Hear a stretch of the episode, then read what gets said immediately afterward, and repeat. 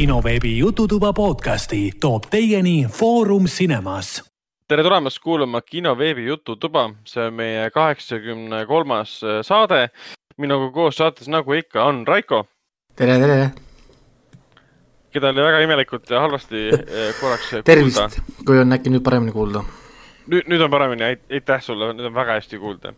ja kes meiega alati veel siin saates on Hendrik. tere Hendrik lehvitab videosse, aga videot me ei salvesta, et ma ei tea, kellele sa lehvitasid um,. aga see selleks um,.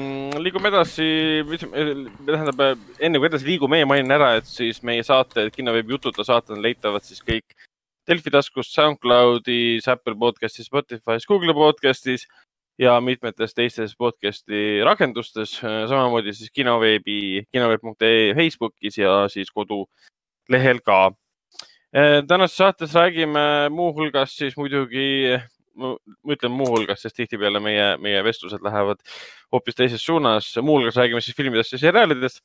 Eh, aga põhirõhk, millest me kindlasti tahame rääkida, on siis eh, Borat, Borat kaks, mis nüüd reedel, kahekümne kolmandal Amazon Prime videosse jõudis. kõik, kes tahavad seda vaadata, saavad seda Amazon Prime video kaudu vaadata. piisab sellest, kui teed endale kasutaja esimesed kolmkümmend päeva tasuta aga sinna me veel jõuame. Eh, enne kui edasi, jah, täpselt see ongi kõik sissejuhatuse asjad on tehtud. vot, liigume edasi siis filmide ja seriaalide juurde, mida me oleme vahepeal siis kahe podcast'i eh, vahepealsel perioodil vaadanud ja alustame nagu ikka Raikost. nii, ma olen endiselt äh, kodus kinni, kuigi nüüd lõpuks sain auto kätte, siis et äh, on siis lõpuks šanss, et ma saan ka liikuma äh, mm. -hmm. aga ma ikkagist vaatasin omajagu asju siis kodus ähm,. midagi vähe ma vaatan.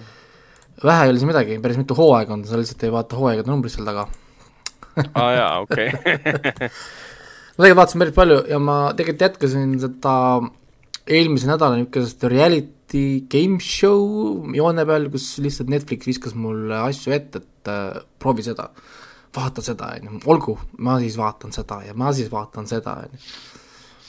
ja soovitas ka mulle sellist asja nagu Strong, mis on tegelikult huvitav, et ma polnud seda näinud, sest ma olen tegelikult varem rääkinud siin nendest erinevatest Ninja Warriori tüüpi äh, või noh, ütleme nendest jõusarjadest äh, nagu see Titan Games ja ütle see pealkiri korraks uuesti. Strong, aga see on nagu S punkt T punkt R punkt, noh nagu strong, tugev, aga ta pole kokku kirjutatud, vaid peal igat täht on punkt nii-öelda. IMDB-s leiate ka üles selle, et äh, ja mulle tegelikult väga meeldis see kontseptsioon äh,, näiteks seal võeti kümme tavalist igapäevast äh, nagu naist, tavalised pereemad tavalised naised, kes lihtsalt on väheaktiivsed, ütleme nii, nad ei ole mingid ultraülekaalulised, nad on lihtsalt väheaktiivsed. Noh, nagu meie mõistes tavalised naised siis ja no, ja siis võetakse kümme Ameerika tipp fitness treenerit. seal on äh, näiteks treenerid, kes on äh, treeninud John Wicki jaoks äh, seda Keanu Reavesi, seal on ühesõnaga Tom Cruise'i üks treeneritest oli seal, ühesõnaga inimesed, kes on teeninud Hollywoodi staari asju Ameerikas, on ise kõik ultra fit. no need mehed, mehed on kõik puhas ainult muskel ja, ja, ja ühesõnaga kaheksa back'id ja, ja mm -hmm. Noh, terve elu keerleb nii-öelda nagu nagu fitnessi ümber. siis algab see sellega, kus kohas mehed tõestavad ennast naistele, näitavad kõik oma oskust, teevad ühe niisuguse ilusa suure võistluse ja siis naised hakkavad soolas järjekorras valima endale siis treenerid. noh nagu, kellega koos on nemad paar ja siis, kui nad selle paari koostavad, siis nad hakkavad koos äh, nagu mänge siis tegema, erinevaid võistlus nagu mänge ja, ja see on väga kihvt ka nagu niisugune väga dramaatiline ja ma läksin väga kaasa sellega, et ma, ma räägin, nüüd ma mõistan väga äh, ütleme väga, ütleme, ma mõistan paremini siis neid inimesi, kes on väga nendesse tõsielu seriaalidesse ja game show desse siis äh, nii-öelda nagu investeerinud ennast, ma väga mõistan seda, sest see oli eriti dramaatiline minu arust ja nii hästi üles ehitatud. Ja väga kiiresti neil tekivad omavahel niisugused erinevad suhted, on ju, osad treenerid saavad paremini läbi oma õpet, noh nagu õpilasega mõned lähevad kohe tülli, mõned tülitsevad mm -hmm. nagu, nagu vanad abielupaarid, on ju äh,, mõnel tuleb võib-olla natukene rohkem keemiat seal võib-olla, on ju, et äh, no ühesõnaga, nad on koos. Ja, ja kui sa oled sarjas hästi kaua, sa oled kümme nädalat koos, kümme nädalat. see ei ole üldse lühike aeg, et olla iga päev eh, näit- mingi eriti fitness, seksika, targa, oda, osavate meestega koos kümme nädalat, kus ta iga päev koos hi- higistate, trennite, painutate ja ühesõnaga nagu noh, et seal mingi, mingisugune side vast ikka tekib, on ju siis igalühel on sul oma story ja mina öelda alguses mõtlesin, et see saab olema nagu ainult naistes siis, et need treenerid on nii-öelda nagu taustajõud, siis ei, treenerid on kogu aeg teemas, nad kogu aeg räägivad, nad on täpselt osa sellest saatest sama palju kui naised. ja igal treeneril on ka oma eesmärk, miks ta sinna saatesse tuli, on ju, tal on oma mingid asjad, me saame treeneritele lugusid, kuidas nemad hakkasid tegema, mida nad hakkasid tegema on ju, üks, üks räägib, et hakkas treenima sellepärast, et tal oli mingi kolmekümne aastaselt oli, oli kaks infarkti millegipärast või kolm infarkti järjest. arstid ei teadnudki, miks tal on nüüd see pacemaker, no see südame, see mingi rütmi, see masin. ja nüüd ta peab hoidma Jah. ennast, hoidma ennast nii-öelda nagu fit kogu aeg, on ju. kes millest on seal üle, üle saanud, kellelgi oli mingi autoavarii äh,, nüüd ta nagu on fitness, treenis ennast tugevaks, peale ri- avarii hakkas meeldima, nüüd ta jäigi fitnessi tegema, on ju iga, igal sellel fitness treeneril on oma mingi tugevus, on ju, siis üks, keda kõik vihkavad seal. mulle meeldib see, ma olin kohe tema poolt, sest ma tean, mis tunne on minna kuskile kohta, olla kõige kõigest parem ja siis kõik vihkavad sind. sellepärast, et sa kohe oskad mingeid asju ja siis mulle oh,, mulle kohe meeldis see. et, et seal oli üks äh,, üks siis fitness treener, kes äh, kõik teadsid, kes ta on esiteks, et ma saan aru, et ta oli kuulus selles maailmas, aga kõik, kõik olid kohe mmm,, ta on äh, douchebag või et ta on äh, ühesõnaga niisugune väga teine, aga samal ajal mitte keegi ei saanud eitada selle mehe oskuseid. kõik ütlesid ka, et on, me peame saama lahti peale selle, et ta on nagu douchebag, on ju. aga me peame, peame saama lahti, sest ta on ilgelt hea. mitte ainult treener, vaid ka nagu noh, nagu ongi füüsiliselt tugev. Ja nagu noh, oli esimeses mängus ka oligi, ta oli teisest täitsa kohe, kohe nagu parem ja, ja, ja, ja tema treenis oma, oma õpilastega väga teistmoodi. tema ütles, et ta näiteks ei kasuta masinaid, ehk siis ta ei tee neid, noh, neid jõusaalimasinaid ei kasuta, vaid kõik käib äh, mati ja, ja maas, matiga ja maas. ja üllatus-üllatus, tema õpilane hakas kõige kiiremini tulemusi. mingi huntleid nagu üldse ei kasuta. ikka natuke hantleid ja mingi palli loobivad ja mm., ja roomavad mööda maad ja asju ja ta ütleski, et see mitte, mitte masinad siis? ei, ta lihtsalt ei kasuta nagu masinaid, kui võimalik jah, et äh, mingil määral nad ikkagist jaa, mingi noh, köise kasutavad ja noh, tead mingit teatud asja ikka. aga jah, niisugune väga kihvt, väga kihvt asi, ma räägin, ja, ja mängivad siis nagu raha peale. võitja saab siis suure summa raha. mis igas, see summa on? see, see sõltub nüüd, kui palju nad siis asju ära teevad, see võib olla kuni pool miljonit. ehk siis nad saavad Oh, oh, niisugused jaa, suur, suured summad on selles mõttes ja, ja see lähebki nagu pooleks treenerile ja õpilasele siis nagu pool ja pool. Mhm. ja, ja seal on väga palju twist'e äh,, reeglid muudetakse pidevalt äh, ilma mängijatele ütlemata, et mina ei tea, väga, väga kihvt reality tv show. Kohe tekkis isu, et tahaks ka Eestisse midagi sellist, et tahaks ise, ise kohe teha. ma juba hakkasin endale visualiseerima, kuidas ma ostan Kesk-Eestis ühe suure lao, konverdin selle mingi viiekümne tuhande euri eest äh, ümber selliseks äh, takistusraja taolise asjaks ja siis teeks Eestis kohe reality tv show. arvad, arvad, arvad, et see Eestis oleks edukas? Ma ei tea, aga miks, miks ta peaks olema meie eesti keeles, ma teeks ta inglise keeles, ma teeks ta Eestis, aga inglise keeles ma teeks ta kohe rahvusvahelisele pu- publikule, lihtsalt ah. ta asuks Eestis. kui raske mul oleks Eestis leida yeah. kümme inimest, kes räägivad inglise keelt nagu mm,. seda küll, jah. samas, kui teha seda ranna, ranna, rannamaja stiilis, et. oi ei, seda ma ei taha, seda ei rumalad inimesed äh, ja paned nad trenni tegema. ei, mina pigem teekski seda sellises äh, samasuguses stiilis, et võtaks näiteks ma ei tea, ma teeks nagu vastupidi äh,, nagu ühtepidi oleks üks hooaeg ja teistpidi oleks siis, et äh, suvalised mehed tulevad, tavalised mehed ja naisfitness äh, treenerid. noh, nii-öelda nagu vahetaks seda, noh nagu seda äh, sugu siis. aga mulle meeldis, väga meeldis, ma olin väga rahul, et ma annaks kohe mingi üheksa punkti sellele sujuvalt, sest äh, selle, et tal oli nagu väga high quality production, ta oli tohutu hea tempoga, nad olid suutnud need nädalad lõigata mingi poole, pooletunnisteks episoodideks. See pole lihtne nagu töö, sul on kümme paari inimest, sul on üks nädal nagu tegevust Mm. ja kogu see asi võtab pool tundi, noh nagu ütleme nagu pakendisse, see on väga keeruline töö, ütleme nagu lõikad, noh ühesõnaga üldse nagu väga hästi tehtud, väga hästi tehtud, ma olen väga rahul oma selle Netflixi äh, reality tv äh, jooksuga praegu. kohe peal seda, kohe peal seda, kui see sai läbi, on ju, enne ma ei jõudnud isegi debüütiimet püsti, püsti ajada, mul oli mingi väga pikk niisugune binge watch sessioon, hakkas automaatselt üks autodega reality tv show, on Hyperdrive. et, et ähm, ja nii, vaatan kohe, võtsin selle Hyperdrive'i üles ka, see oli siis äh, ütleme, kui inimestele meeldib, ütleme, kiired vihased ja näiteks oled WRC fänn ähm,, mis iganes viisil autosport, autospordi fänn, siis Hyperdrive Netflixist, no jumala eest, kindlasti vaadake. see on Charlize ole... Theron'i oma tema Te, tootis selle? tema on siis üks äh, tootja suur idee autor ähm,, tema nagu sari on see põhimõtteliselt mm. -hmm. tema nagu reality äh, nagu, nagu, nagu show.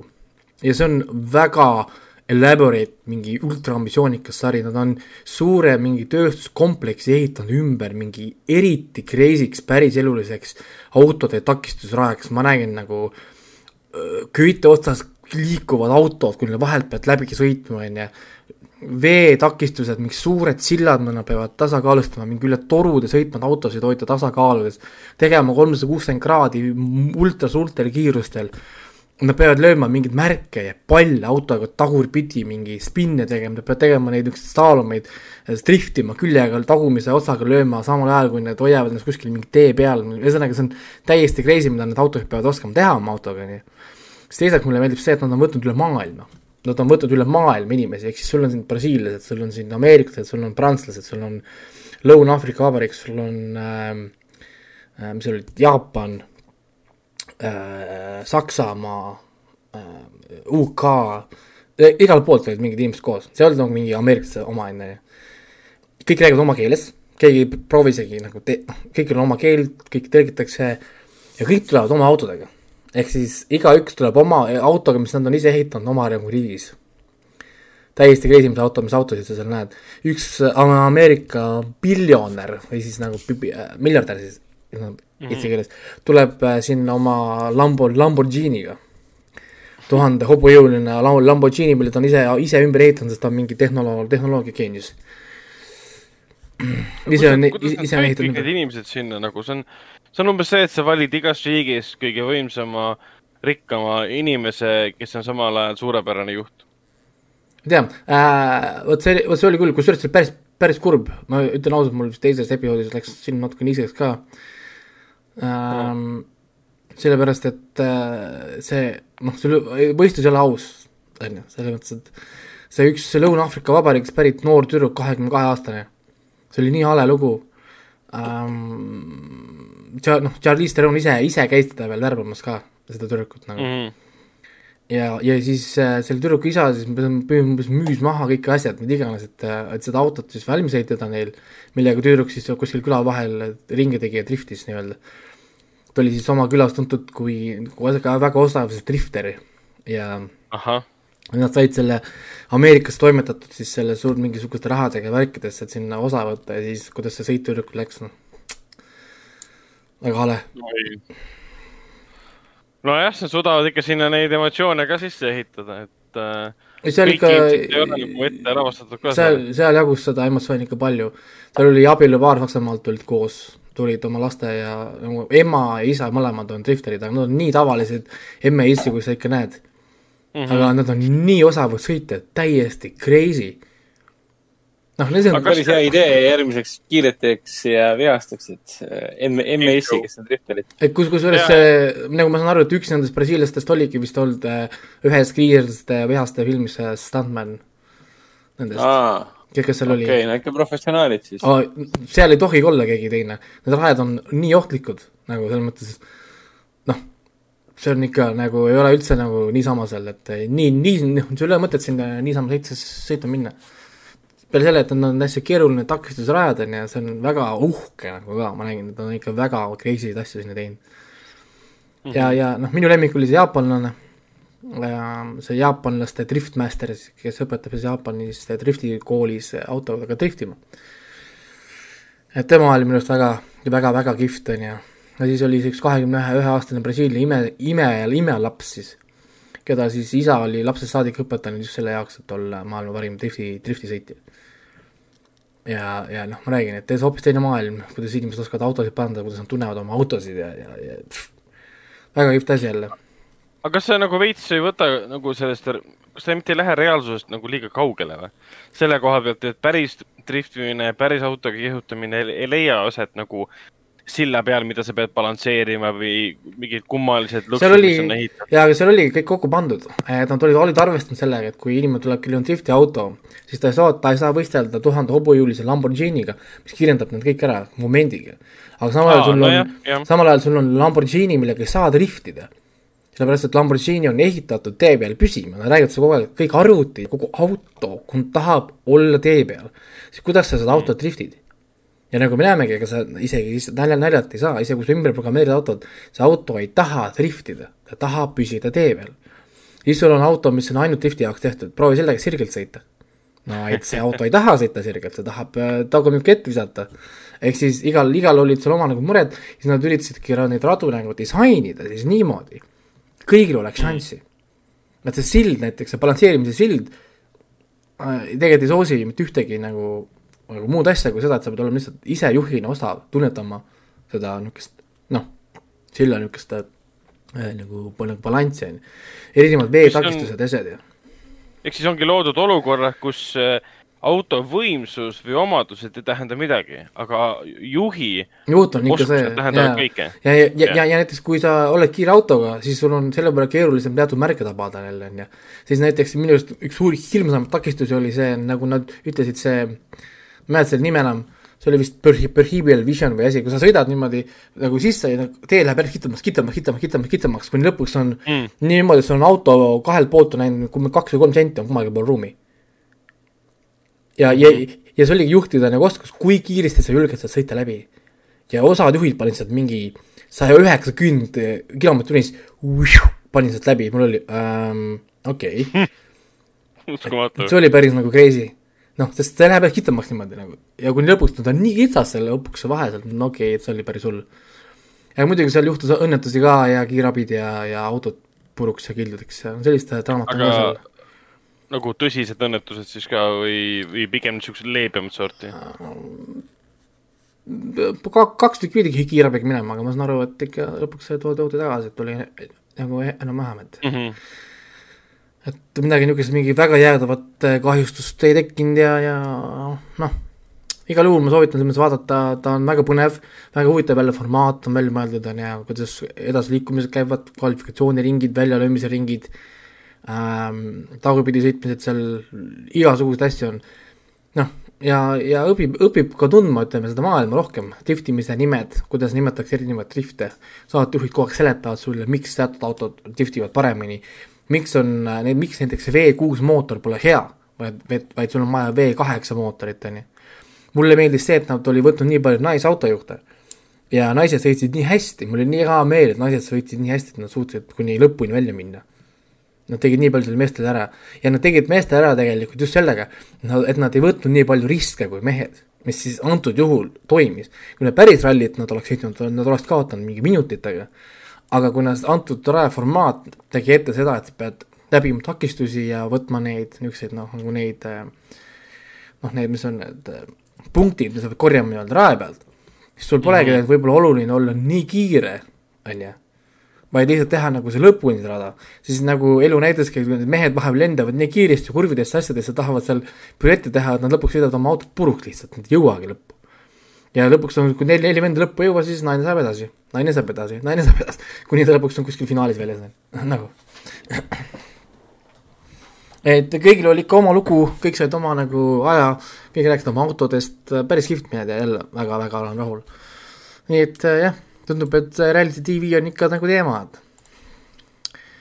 siis mingisugusel veidral põhjusel Netflix soorit-, soovitas mulle äh,, mis on siis see Tracy Morgan või? oli ta nimi vist, jah, Tracy Morgan. Tracy Morgan. seda Scare Tactics, mis on siis põhimõtteliselt nagu prank show lihtsalt. tundub mm, -hmm. et mhm. see on mingi tema prank show olnud Ameerikas kunagi äh, vanemal ajal. ma pakun, et mingi kaks tuhat kümne kanti või, või sealkandis, sest äh, noh, nii palju, kui ma vaatasin, üritasin telefonide tehnoloogia järgi saada aru, siis umbes sel ajal, sel ajal see nagu oli. Netflixis on ainult olemas neljas ja viies hooaeg.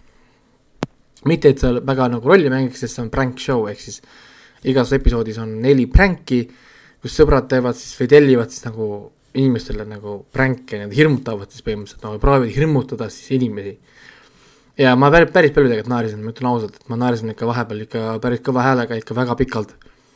sest inimeste reaktsioonid ikkagist päris elulistele situatsioonidele, kus kohas nagu noh, inimene väidab, et ei karda, tulnukat ei karda ja siis, kui sa tekitad talle situatsiooni, kus ta peaks kohtuma päris tul-, tulnukaga siis on ikka päris kihvt vaadata, kuidas inimesed tegelikult reageerivad. või kummitusi mm. või asju tehakse. mõned olid ikka nii andekad, ma ütlesin ka, ma oleks jooksnud ikka, ikka üle aeda hüpanud ja, ja, ja, ja, ja ikka jooksnud seal mõni oli ikka nii andekalt tehtud, et lihtsalt nagu noh, sa noh, sa, miks sa peaks üldse kunagi kahtlema, et see on kuidagi näitlejate noh, nagu poolt tehtud. ja mõni oli ikka nii hirmus, sa nägid, kuidas inimene oli ikka surmani hirmunud ka ja siis äh, kuidas need näitlejad reageerisid, kui nad said aru, vaata, et nad on läinud liiga nagu kaugele, kohe panid käed maha, et see on tegelikult nali, see, sa, me oleme tegelikult näitlejad, noh, püüdsid nagu maha rahustada kohe. Et, et sinu sõber Dave äh, või ma ei tea, Scott kutsus meid siia. See ei ole tegelikult päris, on ju, noh nagu, et nad hakkasid kohe rahustama, kui nad nägid, et teatud juhtudel hakkasid nagu, või noh, inimesed hakkasid liiga nagu äh, teistmoodi käituma, näiteks äh, võtame kohe mõned minu lemmikud, kus kohas ikka inimesi hirmutati ikka poolsurnuks, et äh, üks oli väga kihvt, oli niimoodi, et tüdruk läheb tööle, ta sai niisuguse äh, kiire töö otsa siis. No,, Ameerikas on ju see Craigslist kus nad leiavad neid äh, niisuguseid äh, noh, ühepäevased või ühesõnaga niisugused kiired töid. siis üks naine siis, äh, või noh, tüdruk, naine, ma ei tea, kahekümnendate alguses, äh, läheb siis tööle modelliagentuuri. nii-öelda nagu äh, lava, noh, sinna mitte lavale, siis issand jumal äh,, äh, reception desk, öelge mulle eesti keeles vastuvõtulaud, vot. vastuvõtulaud, jah. issand jumal, eesti keel, et äh, läheb vastuvõtulauda tööle, tema ülesanne on siis noh, registreerida, ühesõnaga niisugune basic job. Ja siis tulevad modellid sisse, seal tekib mingi tüli, üks modell kõnnib välja, ütleb, et, et äh, F-dish, scrap, ma lähen minema, pumm, ma panen uksepaugu kinni. ja siis tuleb see saat-, noh, see äh, Moa show produtsent, kuule, meil on probleem, meil on üks inimene puudu, umbes sa oled ilus noor naine, et näed, et meil on vaja esitada siin interneti oksjonil äh, kaelakeisid, asju, et pane palun selga, ka tule nagu, tee meiega koos, on ju. Mhm noh, et see on nagu interneti, et kedagi siin ruumis pole, me oleme siin, meil on kaamerad ja noh, ühesõnaga pakkumised käivad nagu nii nagu tea, lihtsalt pead nagu näitama nagu kaamerale, on ju. ja siis naine hakkab siis täitma seda ankeeti, see on huvitav, huvitav küsimus, et näiteks, et mis naha, mis nahahooldust sa kasutad ähm,, kui vana sa täpselt oled, on ju, mis on sinu tähtkuju, niisugused küsimused, et tüdrukul on okei okay,, et whatever, on ju, et noh, suva, täidame ära, on ju siis on siis kolmekesi seal äh, lava peal ja siis äh, äh, vahepeal siis kuulevad seal kaamera tagant tuleb hääl. üks Mr Kim kuskilt Koreast tahab teada äh, selle äh, kolmanda na naise käest, kas sa oled puhas Si? siis see naine okay., naine vaatab uh,, what uh,? ma ei ole, on ju, okei, siis uh, tuleb pakkumine, mingi üheksakümmend kuus tuhat, on ju, tema pea kohale okei okay,, siis läheb, et mingisugune Mr Roger tahab teada number kahe käest. et äh, küsitakse mingeid väga veid-, veidraid küsimusi, et naistel on nagu äh, what the fuck on ju, et mis asi see on, on ju. ja siis tulevad mingid muud, mingid summad, mingi nelisada tuhat ja, ja, ja kolmsada kümme tuhat ja mingid suured summad tulevad. ja siis on oksjon läbi ja siis see naine seal kaamera, kaamera tagant ütleb, et okei okay,, we uh,, we sold all the girls. On ju, siis siis tulevad sisse niisugused suured mehed, on ju äh,, niisugused mustad äh, ülikond selles ja ütlevad sellele kolmandale naisele, palun tule meiega kaasa. on ju, naine hakkab tõrjuma, lohi-, lohistatakse minema, lihtsalt karjub ja lõugab, vaata. siis see tüdruk jääb siin üksinda seisma sinna, vaata see, kes on nagu see pränki oluline. Tal on mm, -hmm. sa näed, kuidas tal käed verisevad, hakkab kohe kauplema. et mul onu rikas, et te saate selle raha vaata tema käest, te ei pea mind siit ära viima, vaata, mul onu saab selle raha ka teile maksta. ja loe, ei, te olete müüdud, te peate minema, palun tule meiega, vaata oi jumal, nojah, tegelikult niimoodi väga hästi inimesed ära petta. väga ja, palju vaeva näha. ja ei, see, need on ikka, need on väga äh, nagu hästi tehtud, kõik on läbimõeldud äh,, noh. Aga kusjuures kõige hirmsamad, noh, ma panin tähele, et ütleme, inimesed kõige rohkem kartsid siis, kui olidki juba nagu niisugused juhtumid, mis võivad olla päris. noh, nagu seesama see inimröövimise osa, et ta röövitakse ära, on ju. noh, et müüakse nii-öelda nagu inimkaubanduseks või noh, nagu see, see osa. mis seal veel oli, ütleme, hirmus, hirmus oligi näiteks see, kuidas üks äh, poolkogematu tunnistas mõrva pealt. noh, nagu vaata, ta nägi nagu päris vaata mõrva ja siis mõrvar tuli talle järgi mm. -hmm. see oli ka, mõtle ise, kui sa päriselt noh, nagu oleksid, kõnnid seal omal Viimsis või whatever, on ju, kõnnid seal kodu poole ja näed kuskil tänava lõpus mingi keegi putsitab midagi suurt surnuks. sa hakkad jooksu panema ja näed, aga see vend tuleb sulle järgi mm -hmm. noh, nuga käes ja maha ei jää. nojah, su esimene mõte ei ole see, et see on mingi väga elaborate äh, prank show mm,. jah. mõtled, et sa nägid päris asja pealt ja sind tapetakse järgmisena ära jah, et selles mõttes nagu äh, need olid ikka väga eelmised, kus kohas inimesed ikkagi sattusid paanikasse ja mõne, mõned tahtsid akendast välja hüpata ja siis nad pidid ka kuule, kuule, kuule, kuule, kuule, ära aknast küll välja hüppa, et see on nali, see on nali, see on nali, ära, ära hüppa välja et... see võib väga halvasti lõppeda, sest tegelikult mõni inimene hakkab võib-olla hoopis vastu ja Aa, väga, väga kusjuures nad, üks oli väga kihvt niimoodi, et õde tahtis pränkida oma venda mm. -hmm. nagu ja, ja siis ma saan aru, et kui nad pränki hakkasid ette valmistama või asja, vend sai teada sellest, sellest kuidagi, et õde tahab pränkida venda. aga selle asemel, et see pränk ära, ära jätta, nad leidsid, et nad nüüd prängivad hoopis õde. nagu ja, ja, ja, ja aga nad ju, saate tegelikult ju öelnud, et õde prängitakse, vaid nad lasid õel edasi uskuda, et tema prängib venda, on ju. ja siis nad tegidki niimoodi, et et pränk pidi olema siis vennale siis selline, et, et nad lähevad kuskile mingi tööle ja siis nad mingi tulnuka signaal tuleb, tulnukad tulevad ja see on mingi niisugune stuff ja siis tulnukas nagu hakkab seda õde röövma või nagu piinama. jah, aga siis see tulnukas tutvustas ennast, et seal mingi naine seal sees kostüümis, nad ennem rääkisid seal lava taga, et naine teab, ise nii õnnelik, oo vend kindlasti kardab. ja siis pränk oli selline, et kui vend astub sisse, näeb, see tulnukas on seal, ta võtab selle tulnuka, viskab sealt üle leti, hüppab järgi, hakkab kääridega, pussitab seda tükk aega. siis see õdel on, see on nali, ära tapa ära, see on seal, ja seal on naine, vaata siis see naine room-, room-, roomas seal leti tagant välja, punane, punane, verine, vaata, kõik kägiseb, sureb ära, vaata. tüdruk on paanikas, mis ma tegin, vaata, ma tegin oma vennast tapja, vaata täiesti lõpp lihtsalt. see tekitab küll mingi psühholoogilise trauma. Vaat sellest ei piisa, kui sa pärast ütled, aa, see oli kõik prank nagu, ei, ei, ei, ei, ei. ei, selles mõttes, ma ikka naersin ja kusjuures ma vaatasin seda perega koos ka päris nagu pull, et et mm, -hmm. et seal ikka noh, noh, need olid suht igavad, mingid libahundid ja mingid osad seal olid nii fake.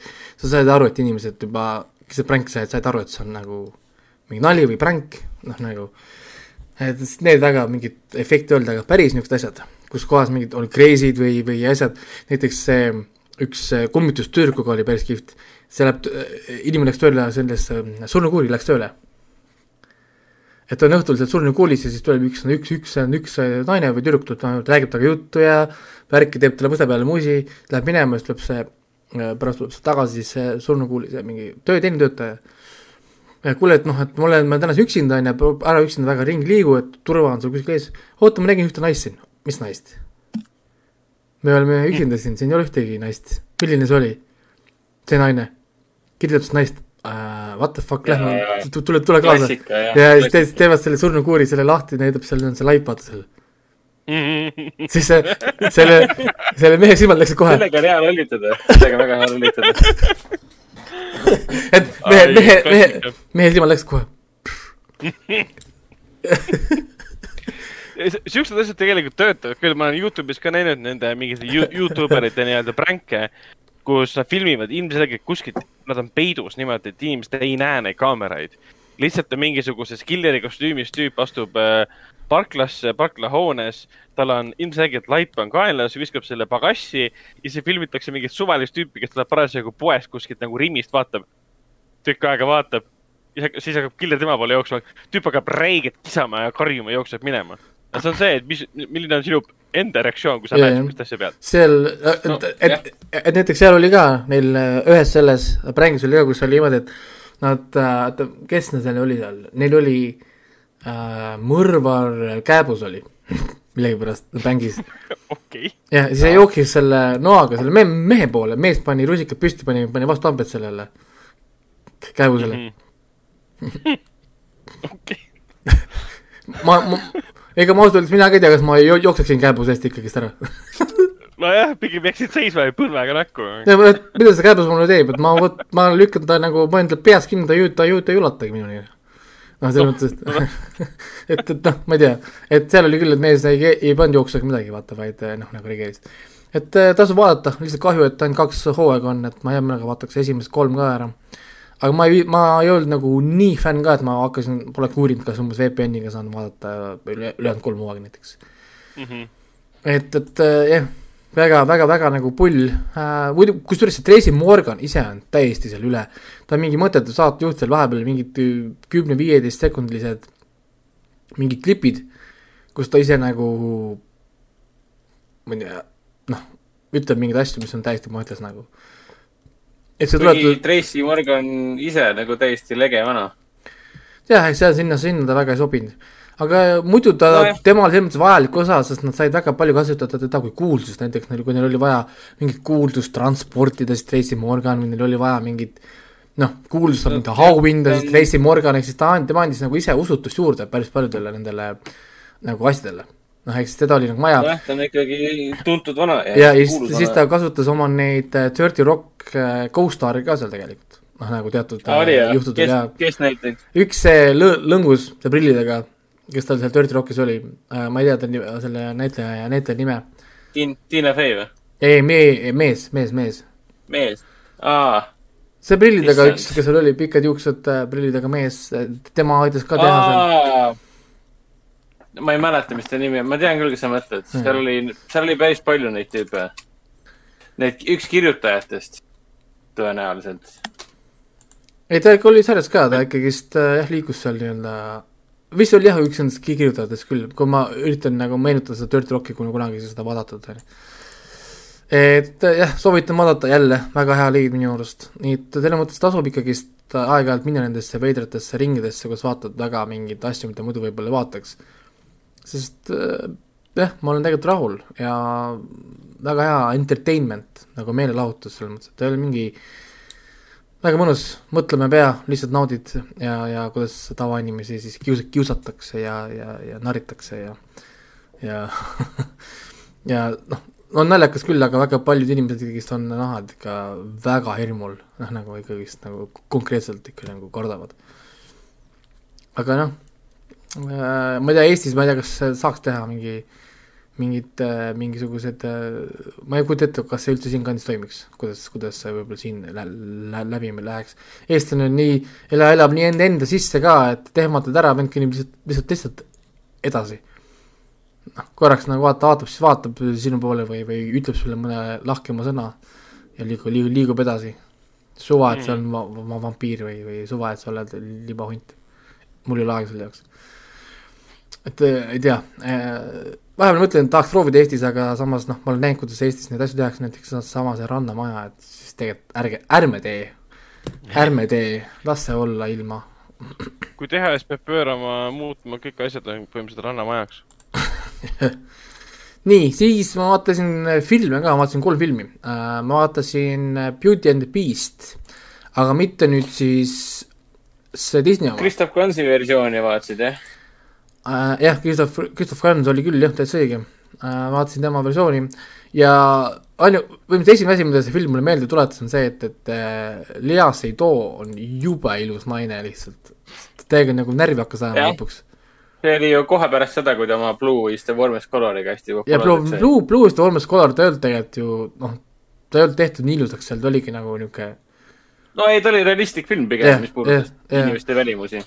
aga, aga siin on ta, ta on ikka nagu noh, nii ilusaks tehtud, kui nagu noh, saab nagu teha ja ja ilusalt suurelt ekraanilt va- vaadates päris tihti mul oli noh, hetke vaatama, vau, noh nagu on ikka, on ikka naisele antud äh, visuaali. visuaali. Visuaali. kuule, aga kas siin lauldi ka või? ei lauldud mitte ühtegi piuksu. Ta on äh, kas see on parem kui Disney live action versioon või? äh, päris paljudes mõttes isegi on, esiteks mulle meeldis väga palju rohkem selle mäe filmi nagu ongi see visuaalne pool. ta, ta, ta, see on, see on tehtud palju rohkem muinasjutulikumaks kui see Disney oma. ja, ja, ja teiseks see on nüüd see originaalne muinasjutt siis, nagu see Prantsusmaa päris muinasjutt, mille põhjal siis tehti see Disney Beauty and the Mm. Beast. ehk siis ta on selle võrra nagu toorem, ehk siis ta ei ole nad noh, nagu, nagu niisugune nagu võib-olla nii lapsesõbralikum. ja teiseks ähm, noh, ütleme see kõige suurem vahe ongi see visuaalne lihtsalt, ta, see on Prantsusmaa niisugune nagu, esiteks saad aru, et see on Prantsusmaa film, on ju, väga hästi saad aru, kõik, kõik karjub, see on Prantsusmaa film.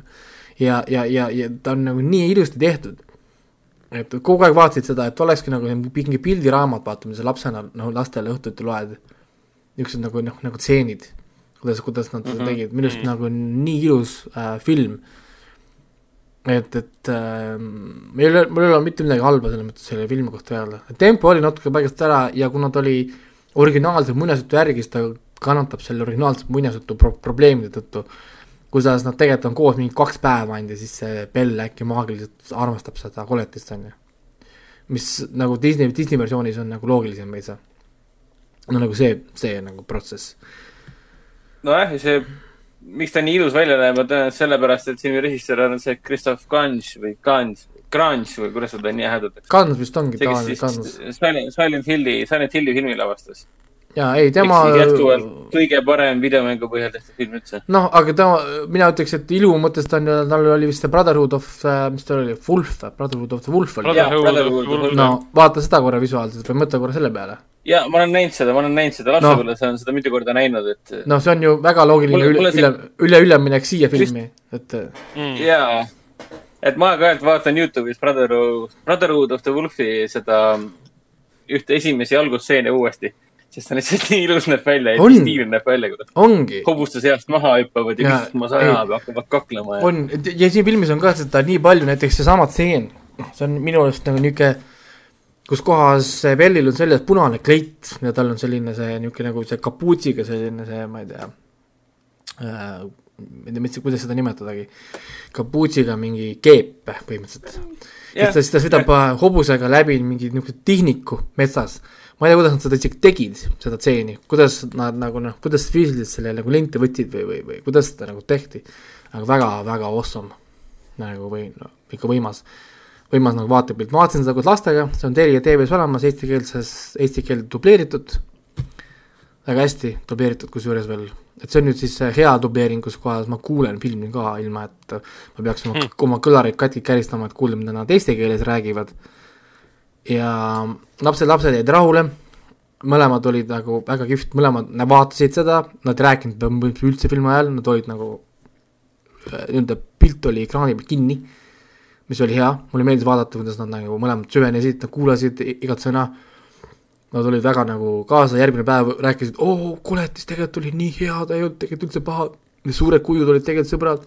Nad olid väga, väga noh, nagu ütleme filmist äh, haaratud, nii et perega kindlasti soovitaks vaada, vaadata küll. aga jah, jälle ütleme, võiks olla hea suur ekraan, sest see pilt äh, tahaks tegelikult noh, nagu ekraani, kust nagu vaadata. Et ma olen jah aastaid tahtnud seda vaadata, sest äh, alates, esi-, pärast, mis see on, kaks tuhat kuus või? oli Silent Hill tehtud, et pärast seda Jah. ma hakkasin ju Grange'i fännama ja alles pärast ma sain aru, et Grange on seesama, kes tegi Brotherhood of the Brotherhood of the Wolfi ja siis ma tahtsin ka seda La Belle et la Petet vaadata, ehk siis Beauty and the Beast'i, aga miskipärast ta lõpuks kadus ära kuskile elu, elu, elulainetesse. Aga hea, et sa selle meelde tuletasid, kindlasti võtan selle esimese võimaluse ette. kusjuures ta on ise nüüd rääkinud ka siin jaanuaris kuskil intervjuus mm -hmm. mainis, et tunneb huvi järgmise Silent Hilli filmi või siis Fatal Frame'i filmi lavastamise vastu. ja minu meelest mõlemad on tal teema. et Fatal Frame'i stsenaariumit ta praegu kirjutab. Fatal Frame on siis ka. Aa Ah, jaa, oli küll, ma mäletan, ma tegin selle kinoveebi uudise, kus ta proovib jääda täpselt filmi selle Mm. juurde ja tahab, tahab isegi minna Jaapanisse samasse majja yeah,, mis yeah. inspireeris vist seda filmmängu või midagi. ehk siis ta tahab yeah., tahab võimalikult palju mingi jätta nagu sellest äh, nii-öelda nagu alles, noh nagu kogu sellest asjast, mis on ainult hea uudis nagu vaadates tema seda filmograafia nagu visuaalset keelt ja siis arvestades seda, et ta tegi Silent Hilli, siis on näha, et tüüp on nagu räme Jaapani videomängude fänn. või noh, ta on, talle nii väga meeldib see atmosfäär, ta naudib seda hullumeelselt, et noh. kõik ta Silent Hilli tegemise ajal ka, ta suhtles hästi palju mängu tegi, mänguloojatega ja, ja nõustas neid, nemad nõustasid teda ja tema neid ja nii edasi, et. kusjuures äh, mul tuli praegu äh, huvitav mõte, et ma võiks ära vaadata kõik need Beauty and the Beast filmid, mida on kümme tükki, alates ku- kuuekümnendatest tehtud. et, et oleks huvitav tegelikult vaadata, ma vaatasin, enamus on juba Prime videos olemas ka meil juba, ilma et ma peaks hakkama siin mingi trikitama siin regioonide ja, ja asjadega. võiks pulli pärast vaadata, mis on siis kõige parem äh, Beauty and the Beast film. et, et kuidas on kui tehtud, suur valik siis seda on, tõesti nii palju on neid. nagu isegi pane IMDB-sse juba Beauty and the Beast ja hakka sealt juba nägema, et USA-s on tehtud näiteks kaks tuhat kaheksateist äh, Merilyn Barnesi kirjutatud ja laval lavastatud Selfie's Princess Girls blablabla bla, bla. äh,, siis on meil TV-film kaks tuhat kaksteist Beauty and the Beast, siis on kaks tuhat seitseteist Disney, kaks tuhat ühe, tuhat üheksasada kaheksakümmend seitse Beauty and the Beast, siis on meil tuhat üheksasada kuuskümmend kaks Beauty and the Beast, Nice. Orville Hampton ja, ja Joyce, Joyce Taylor annab vaadata tegelikult nagu.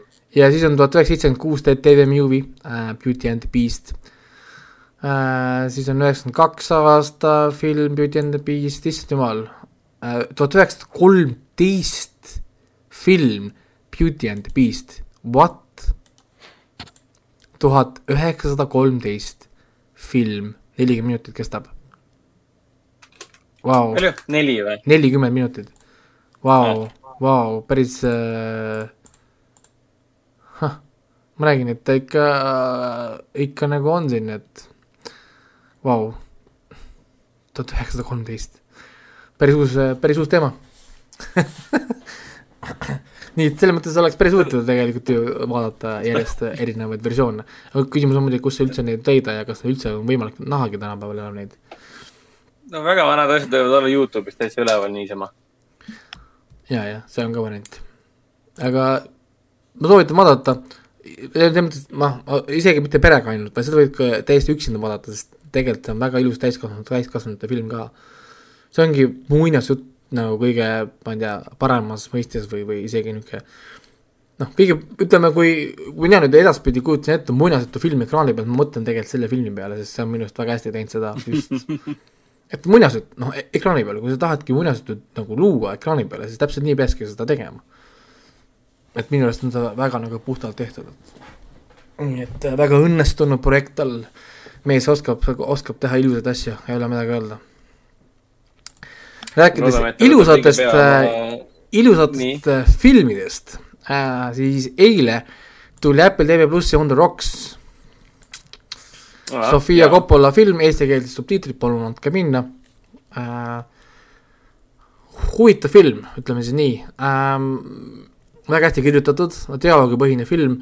enamus ajast me vaatame siis äh, isa ja äh, tütre dialoogi. meil on siis Rashida Jones ja Bill Murray, nemad siis põhimõtteliselt nagu üheksakümmend viis protsenti filmist räägivad nemad kahekesi omavahel. ja siis natukene Marlon Wayansit ka, nii-öelda sinna keskele ja ma nüüd ei oska öelda, kuidas see film just on, et see tundub olevat nagu isa ja tütre film, aga tegelikult nagu teema on ikkagist nagu abielu, siis tütre abielu, tütar on siis abielus äh, Marilyn Wayansiga, neil on nagu laps ja siis isa Bill Murray on lahutanud siis nagu oma tütre emast, sest ta on playboy. ta on hästi tuntud nagu, nagu noh, nagu playboy. ja siis põhimõtteliselt film algab või noh, nagu film tulebki sellest, et äh, film räägib oma isaga, isa helistab talle, et on linnas, ta on siis New Yorgis vist oli see linn, kus nad seal on. ta isa on rikas, ta on hästi edukas, mis iganes ta teeb, ta teeb seda väga hästi. Nad tegelikult ei täpsusta, mida nad, mida ta teeb või ma ei tea, kas ta on siis äkki kunstimüüja või täpselt nad ei lähe väga detailidesse, millega see mees nagu tegeleb. aga ta teeb seda igal juhul väga hästi, ta on tuntud, ta tunneb kõiki, tal on palju raha, ta on väga šarmantne, ühesõnaga kõik on, mis ta nagu, tal on, need toimivad ja tuleb välja, et on ka väga hea isa, aga nagu tü- tütar ütles, et sa olid jube sitt abikaasa olid. noh, nagu emale, aga isale olid sa väga, väga hea, on ju. noh, selles mõttes, et lapsel, lapsel on siis vedanud ju.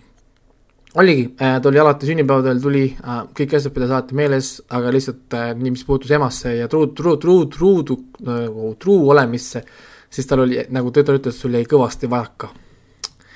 Või noh, nagu väga palju jäi vajaka. Siis äh, helistab äh,, räägivad omavahel ja siis tütar mainib nii muuseas, et ta leidis oma mehe ehk siis selle Marilyn Wayansi reisikotist äh, võõra naise äh, siis selle hügieenitarvete koti. Isa muidugi olles ise siis elukutseline playboy ja, ja väga palju petnud siis erinevaid naisi vasakule ja paremale, kohe hakkab, kuule, aga äkki ta petab sind mm. -hmm. jaa. ja, ja, ja tal on kõik võimalused olemas, sest siis selle äh, mehe siis firma on väga edukas, ta peab väga palju reisima ja ta reisib koos oma väga seksika assistendiga, Fionaga. kogu aeg on koos ja siis põhimõtteliselt hakkabki film hakkab, kus nad siis kahekesi koos käivad mehe järgi luuramas. kuidas nad siis, kuidas mees käib restoranis, kuidas mees teeb erinevaid asju ja kui nad, kui nad nagu seda asja teevad, siis nad samal lihtsalt räägivad omavahel, see on lihtsalt tavaline isa-tütre jutt. tütar ütleb midagi, isa ütleb midagi, isa jagab oma teooriaid, miks mehed petavad, tütar tunneb huvi, kuidas äh, abielunaine saaks olla oma mehe jaoks atraktiivne igavesti mis oleks nagu variandid, noh nagu kas on, kas on üldse võimalik, siis Bill Murray karakter äh, jagab siis oma ideesid, kuidas ta võiks toimida, ühesõnaga, siis tütar jagab talle vastu, et milline võiks tema arvates olla päris nagu õige isa, mitte nagu, nagu see Bill Murray umbes nagu on, on ju. ja noh, Felix oli ta nimi vist, jah. ja kõik, kõik on nagu kõik kõlab küll täiesti koppalalikult nii-öelda. ei ongi, ta on väga ilusti lavastatud, on ju äh,, väga sujuvalt, väga hästi tempo on paika saadud, on ju, arvestades tegelikult, kui aeglane see mäng, film mingil määral on, see on huumorit siin ähm,, siin on natuke nagu draamat, ja siin on teatud sõnumid ka, mida ma väga noh, me ei saa nüüd väga lahkama hakata, selles mõttes, et siis ma peaksin spoil ima. noh, nagu mida see film tahab nagu me, nagu meile no, öelda yeah. ja, ja mida ta tahab meile nagu edasi anda, on ju. et, et noh, põhiline asi vist ongi filmil tegelikult ongi see, et meie enda ootus, ootused mängivad väga palju rolli ja mulle tohutult meeldis see lõpu, lõpus olev pööre, kus me lõpuks, lõpuks saame rääkida ka siis Marlon Wayansiga. või noh, me kuuleme lõpuks Marlon Wayansit. Ehk siis, kus see naine nii-öelda läheb mehe ette ja hakkab mehega lõpuks rääkima, mida ta tegelikult oleks pidanud tegema algusest peale, mitte rääkima kellegi teisega, isaga või ühesõnaga kellegi teisega. ja mida siis Marlon Wayans talle vastab, väga kihvt minu arust. või noh, väga niisugune eluline siis ja, ja, ja, ja väga palju meil ka õppida siis kõik, kes on abikaasad, isad, siin saat-, saates hetkel mina olen ainukene, aga noh, eks te jõuate, jõuate ka kunagi järgi. Et äh, väga hea film äh,, Apple TV-l on õnnestunud.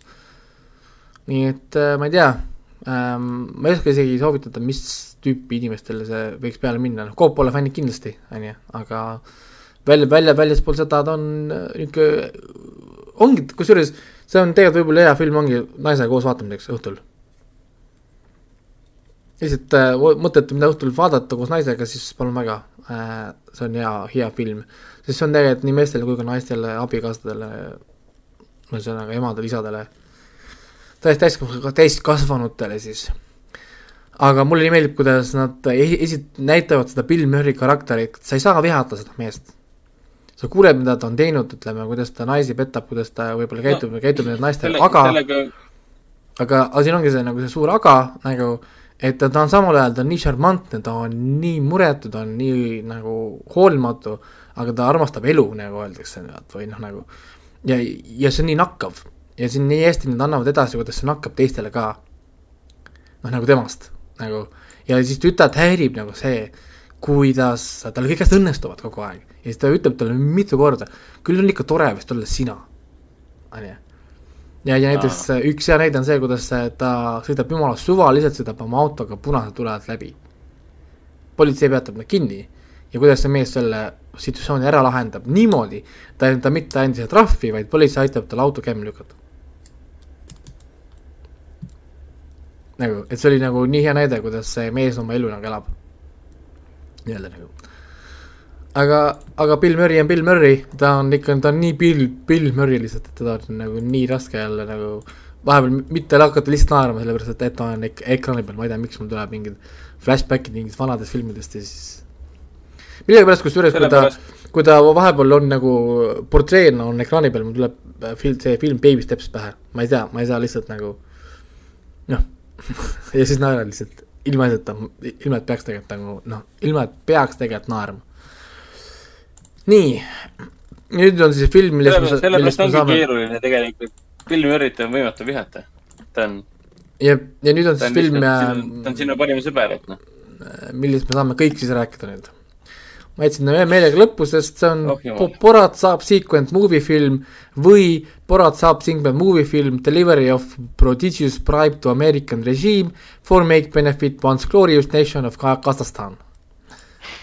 oleneb, kuidas keegi tahab selle filmi kohta öelda, et Brat kaks. lihtsalt ma harjutasin seda nime ka ennem siin ikka, et saaks selle, saaks selle õigesti öeldud. noh, filmi jooksul jah, see, see filmi Pealkiri muutub. päris korralikult um. pluss selle pealkirjaga tehakse siin filmis ju väga palju nalja tegelikult Mm. me ei pea tingimata seda kommenteerima täpsemalt, aga selle pealkirjaga seoses. see, et miks esialgu tuli välja film ühe, ühe pealkirjaga ja, ja pärast muutus teise, teiseks ja, ja, see siin filmis tuleb välja, et see on väga kindel tähendus ja väga Jah. andekas ka tegelikult ja, ja kuidas pealkiri võib muutuda filmi jooksul. ja kusjuures see on vist üks esimesi filme, mis on ju puhas Covidi film. Covidi ajal tehtud ja Covidi üle nalja tegev film tegelikult ju.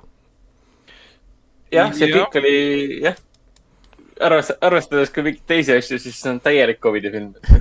kohati kohati oli muidugi raske aru saada, kuidas nad neid nii-öelda siis neid ettevaatusabinõusid siis võtetel äh, rakendasid. ma arvan, et nad ei rakendanudki, nad lihtsalt äh, tegid.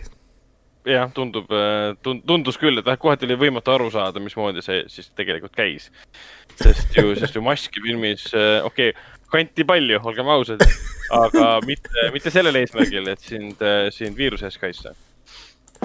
oota, kas me- räägimegi nüüd praegu siis pikemalt Baratist või? ei, räägimegi, räägime Boratist ja, ja, ja kõigest. et äh, põhimõtteliselt äh, ma saan siis teha ära niisuguse selle nagu intro film, noh nagu millest see film nagu räägib. põhimõtteliselt mm -hmm. film räägib siis sellest, et äh, neliteist aastat on olnud Borat siis Kasahstanis äh, töö või koonduslaagris, sellepärast et ta tegi häbi Kasahstanile ta oli väga populaarne, ta sai kuulsaks Ameerikas, aga äh, selle tulemusel maailm hakkas siis Kasahstani üle nalja tegema. nüüd siis neliteist, mis juhtus ka päriselt? jah, ja nüüd siis neliteist aastat hiljem ta võetakse siis koonduslaagrist välja, sest neil on uus missioon. nüüd on äh, Kasahstani jaoks väga suur oht on möödas, ehk siis Obama äh, valitsusaeg on möödas ja nüüd on suur sõber Donald Trump on äh, puldis, kes on suur sõber teiste suurte liidritega nagu Kim Jong-un ja ja, ja Puhh ja ühesõnaga Bol-, Bol-, Bolsonaro ja ja, ja, ja nüüd on vaja siis viia talle kingituseks ja kingituseks valitakse siis Kasahstanis suur geenius pornostaar, pornostaar ahv kultuuriminister ka. ja, jah, kultuuriminister ka, jah. jah, kultuuriminister ja. Ei, see oli vist- kultuuriminister ja pornostaar. kultuuri ja põllumajandus, mis minister oli või? ma ei ja mäleta. kultuuri-, põllundusminister Ja. äh,, äh, pornostaar Ahvi Pärdik, jah, geenius, geenius ahv. Johnny. Johni, nii. ja siis tema ülesandeks on see viia siis Ameerikasse äh, mitte presidendi kätte, vaid tema parima sõbra Mike Pence'i kätte, kes on siis abipresident. see, see, see Pence'i nägu, kuidas selle, okei, okei, nii, siis äh, ja, ja siis Barat läheb koju äh,, pole olnud kodus neliteist aastat äh,, kõigepealt avastab, et naabrimees on sisse kolinud, kõik tema mm. pojad on temast lahti öelnud ja po poeg on võtnud omale uue nime Jeffrey Epstein, mis on äh, mis, mis sobib talle palju, palju paremini kui see nimi, mis tal oli ennem, on ju. see, aga õnneks Baratil on alles kõik tema koduloomad nagu äh, põrsad, sead, lehm ja siis tema tütar, kes elab siis kuuris ja, ja, ja mulle nii meeldis, kuidas ta läheb siis sinna kuuri ja ta on mures, ta vaatab tüdrukut, issand, et see, sind siin hoitakse nii halvasti, et kus, kus sinu puur on? et sa pole, et sa pole isegi puuris. siis on ka, jaa, aga ma ei ole, ma ei ole veel abielus, sellepärast et et, et vaata noh, et kui ma oleks abielus, ma tahaksin ka ilusa puu, ilusa puuri, nagu see naabri, naabritüdruk sai. ja, ja, ja, ja siis see naabertüdruk oli seal, näitas keskmist sõrme samal ajal. see oli nagu esimeses osas. ja Barati, Barati kommentaar oli, et on, sa oled kõige noorem siis. ei, ei kõige vanem, mitte abiellunud. ja, ja kõik, kõige vanem kõige vanem. et vana sa oled, viisteist. 15.. sa oled kogu, kogu Kasahstanis kõige, kõige vanem kuradi mitteabiellunud noor, noh, tüdruk. Mis toimub? ja, ja siis äh, tüdruk äh, saab teada, et tema isa läheb uuesti Ameerikasse ja tahab minna temaga kaasa ja Barat võtab ta siis kaasa koos siis manuaaliga, kuidas tütrega toime tulla, mis on siis välja antud äh, Kasahstani siis äh, haridusministeeriumi poolt või, või, põllu, põllumajandusministeeriumi poolt see oli ju. ja see oli põllumajanduse ja siis kariloomade kasvatamise jaoks antud õpetus. Et kuhu lähevad, mille alla lähevad siis naised ja tüdrukud ja jah, tüdrukud. jah, et kuidas äh, kasvatada siis naisi ja tü- ja tüdrukuid. Jah. et ja seal on, seal manuaalis on kirjas näiteks, mis juhtub, kui naine tahab autoga sõita või mis juhtub, Jah. kui naine küsib küsimusi näiteks või Jah. noh, või niisuguseid erinevaid asju. kui ta hakkab ajakirjanikuks näiteks. jah, jah, kui ta proovib näiteks või pro- kui ta proovib lugeda ka, see on mm. -hmm. see on ka väga-väga ohtlik. et muuhulgas jah. ja, ja, ja, ja see ongi siis filmi äh, premiss või ütleme, ülesehitus, kus see film hakkab siis pihta, nad lähevad siis kahekesi koos Ameerikasse ja, ja sealt hakkab siis sündmused arendama, kusjuures mulle väga meeldib, kuidas nad äh, lahendasid ära selle küsimuse, vastasid küsimusele, millele kindlasti paljud inimesed mõtlesid, kuidas saab peale esimest Borati filmi enam minna tänavatele. Mm. kõik kõik tunnevad teda ju, kõik teavad, kes on Borat, sa ei saa enam täna inimestele ju nalja, nalja teha. Sest nad tegelikult, tegelikult nad vastavad ja lahendavad selle filmi siis väga andekalt ära ise. väga loogiliselt tegelikult, väga, väga loomulikult ja siin ei olnudki muud varianti, kuidas seda olukorda lahendada, kui nii, nagu ta filmis oli. see on ka ainus viis, kuidas Sacha Baron Cohen oleks saanud seda filmi üldse Cohen oleks saanud seda filmi üldse teha. ja, ja, ja, ja peab muidugi, muidugi noh, kindlasti peab andma kohe kiidusõnad, on siis see Maria Balakova või Pak-, Bakalova või Pak-, Bakalova, ma ei tea, kuidas seda öeldakse, Bakalova äkki või? Palkalova või midagi laadset. Bakalova. Bulgaaria neid. ja see, see, see, see noor naine, kes on siis tõesti noor, no üheksakümmend kuus sündinud, issand jumal. kakskümmend neli aastat siis vana, kellest see, kellest mängib siin karakteris nimega tütar. mis oli eh, eestlase jaoks on väga hu-, väga huvitav, kus kohas Barack karjub mööda tänavat, tütar, tütar, ehk siis nagu tütar, tütar oota, aga kas see, oota, ma ei kuulnud praegu täpselt, kas see on tema nimi või? filmis, filmis on, filmis on ta nimi tütar. ta on nagu Jaa, tutar, aga kas aga, kas aga ta- Borat ütleb talle tütar aga see tähendab ka midagi või? see tähendab, ongi lihtsalt nimi jah? see seal on, nagu seal on ta nimi tütar jah, Kasahstanis tütar või? vist, vist ei ole. aga, aga see on huvitav sest, et minu jaoks on see esimene kokkupuude näitlejaga ja muidugi noh, mind natukene häiris, et nad valisid nii ilusa näitleja. Et no esialgu, oleks- esialgu ütleme, ta õnneks või kahjuks väga ilus ei tundunud. et see nii-öelda makeover, mille ta nagu läbis, see oli, läks asja ette, ütleme nii. jah, aga samal ajal, kui lõpuks, kui nad jõudsid sinna lõppu äh,, äh, selle Rudi osa juurde, siis ma sain aru, miks neil oli vaja ilusat äh, tüdrukut. no täpselt, muidu poleks saanud seda Jaa. osa teha. sellist hullikest oli ka veel vaja, et noh. et kui esimeses Boratis oli ka neid eh, episoode, kus oli siis ütleme kaamerasse püütud situatsioone inimestega, kes tõesti ei teadnud, kellega nad räägivad, nad ei teadnud, et neid filmitakse või siis nad teadsid, aga ei teadnud, et seda teeb Baron Cohen mingi filmi jaoks. siis siis uues filmis on ka siukseid olukordi, kuigi mul oli neid raskem märgata seekord, sest tihtipeale kaamera oli näiteks selle juures nende kõrval episoodis kohe. kohe kõrval, ehk siis sul jääb mulje, et see, et see ameeriklasest ameeriklanna, kes seal seda koogi, koogi peale kirjutas, et äh, mis seal oli, tapame kõik juudid või midagi laadset. mis, mis ta lasi sinna koogi peale kirjutada? Peatame juut- will not uh,, mingi asi oli will- jah. jaa, juudid juudid ei jää hävita meid või midagi või? Jews will not destroy us või midagi või? kui kui see olu, olukord nagu aset leidis, siis ma ei uskunud seda, et see on, et see on täiesti, täiesti loomulik olukord, mida see müüja teeb, sest kaamera oli kõrval, see tundus lavastatud. jah, no seal oli muidugi see, et ta rääkis äh, vaata selles talk show's Conanis või kuskil juba mm. -hmm. varem, kui see film oli valmis, teadsid, et see tuleb. ühesõnaga üks nendest talk show des, mis Youtube mulle soovitab siin, ta rääkis, et nad tegid seda niimoodi, et nad võtsid ennem loa ära selle reliisi, et filmitakse ja tehakse, aga neil ei öeldud mida Aa, teatud selge. siis situatsioonides, sest pärast nad ei saa enam lubasid, sest äh, kui inimene on, näeb, mis ta teinud on või no mis situa- situatsioon Jah. on.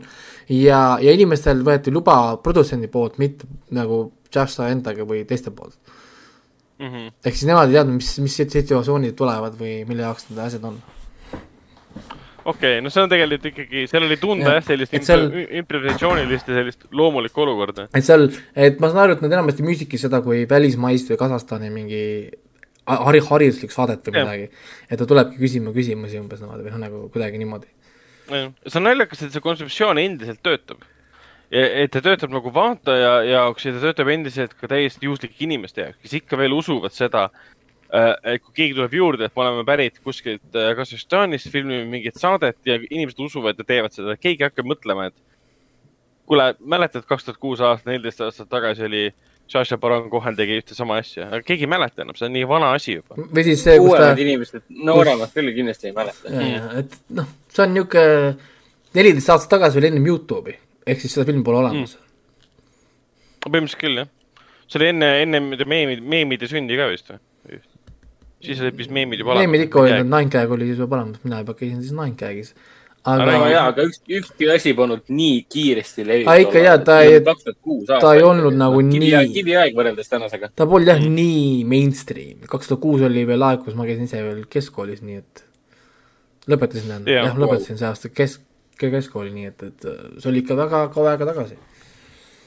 aga, aga Bratis ise, ütleme, ta on endiselt sama terav, isegi võib-olla teravam kui eelmine film.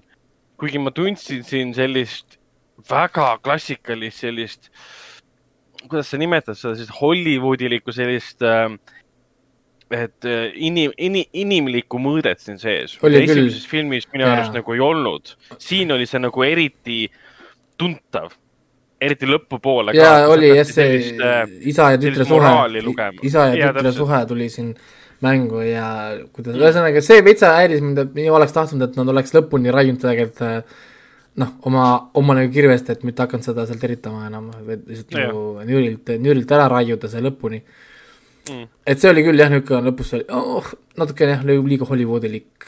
Ta läks kuidagi liiga ro- mannaks nagu roosa Jah, mannaks liiga kaugele. jah, aga noh, seda Aga- muidugi natuke tõid tagasi, kui nad tegid selle ameeriklaste jooksu seal tänaval, et see jälle natukene, natukene Ja siis- parandas seda situatsiooni.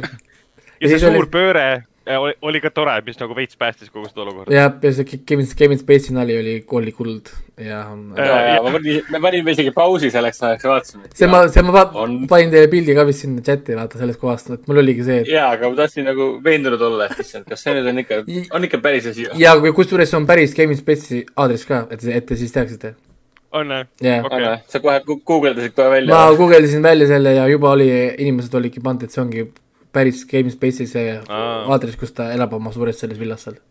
aga, aga see, see, see, see, see episood, kus nad läksid Michael Pence'i juurde, see seda päris, mina ei mäletanudki, See et see päris. juhtus päriselt see on ka tegelikult. päris jah. aga toona keegi ei seostanud seda ju Buratiga. keegi ei teadnud, kõik mõtlesid, et see on mingi suvaline pränker. jaa, et ke- keegi pani ennast nagu Donald Trumpi kostüümi, lükkas neiu üle õla ja läks Michael Pence'i juurde. Kuule, ma tõin sulle naise. aita mind. Tõin sulle aga, naise, et aita mind, Michael Pence. aga saate seda teha, saate minna Youtube'i, otsida üles selle Michael Pence'i äh, selle kõne. see mm. -hmm. oli ju olemas ja siis saad vaadata Jah. seda värki. see oli päris kampaania ralli, see oli päris ko- convention või kuidas sa nimetasid seda. et äh, ja Michael Pence'i nägu oli geniaalne, lihtsalt vaatas mingi ei. jaa, aga muidugi noh filmi tipp on ikkagi muidugi see Rudy Giuliani. jah, mis on nüüd korraliku skandaali üles keerutanud, et äh, Giuliani praegu räägib, et see oli loodud äh, nagu kuidas ta nimetab seda, hit job'iks äh, praegu siis äh, meedias, et see on loodud puhtalt siis äh, valimiste mõjutamiseks. samal ajal Baron Cohen ütleb, et ähm, et ei, sa oled lihtsalt väga veider vanamees. jah, Ähm. aga tegelikult olgem ausad, et äh, noh, kui sa ikkagi lähed selle SNG-ga, on paras ka, ma ei oska sulle muud öelda, et nojah, kuigi see olukord ise, kuidas see oli nagu lavastatud, oli ka, et mõlemad osapooled ju tegelikult nagu flirtisid. aga, aga kui sa oled tegev, kunagine tegevadvokaat või ta on siiamaani tegevadvokaat ja äh, nagu seitsmekümne seitsme aastane, sa oled endine New Yorki linnapea ja, ja advokaat praegu Trumpi no- advokaat. natuke võiks mõistust olla, kui sa oled kaamerate poolt kogu aeg ümritsetud, et sa ei pane ennast sellisesse osu- olukorda ja sa noh teed, aga, aga muidugi samas täiel, kui nüüd olla nagu aus, siis näitlejal neid kakskümmend neli on ju, Mandel Manus. ehk siis, ja meil on tegelikult ju videos olemas, kuidas talle öeldakse tegelikult vale nimi, talle antakse vale informatsioon. ehk siis Jah. tegelikult äh, legaalselt on ta tegelikult fine. ja ei, ei, selles ei olegi nagu isegi, isegi nagu nüüd küsimus. pigem oligi see jah, moraalne Pigem- küsimus, et äh, pigem eetiline, eetiline küsimus või ma ei tea. Giuliani võib-olla käitumises, et järgmine asi lihtsalt, mida ta otsustab teha, on see, jah, üks asi, mis ta mis siis tahab teha., mis jäi tal pooleli ja pärast siis see naisnäitleja, see Bulgaaria näitleja ütles ka, et ta tänas nagu Baron Cohenit, et ta vahele astus, ta kartis, kuhu see välja läheb.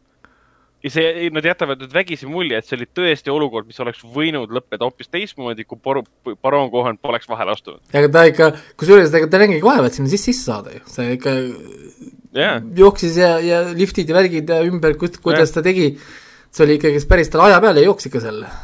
noh, täiesti pöörane, sa teed sellist filmi niimoodi, et sa saadadki inimese nagu, nagu, nagu äh,, nagu peibutisena olukorda, mis võib lõppeda nagu mingi järgmine Weinsteini olukord või mingi Spacey olukord või issand jumal.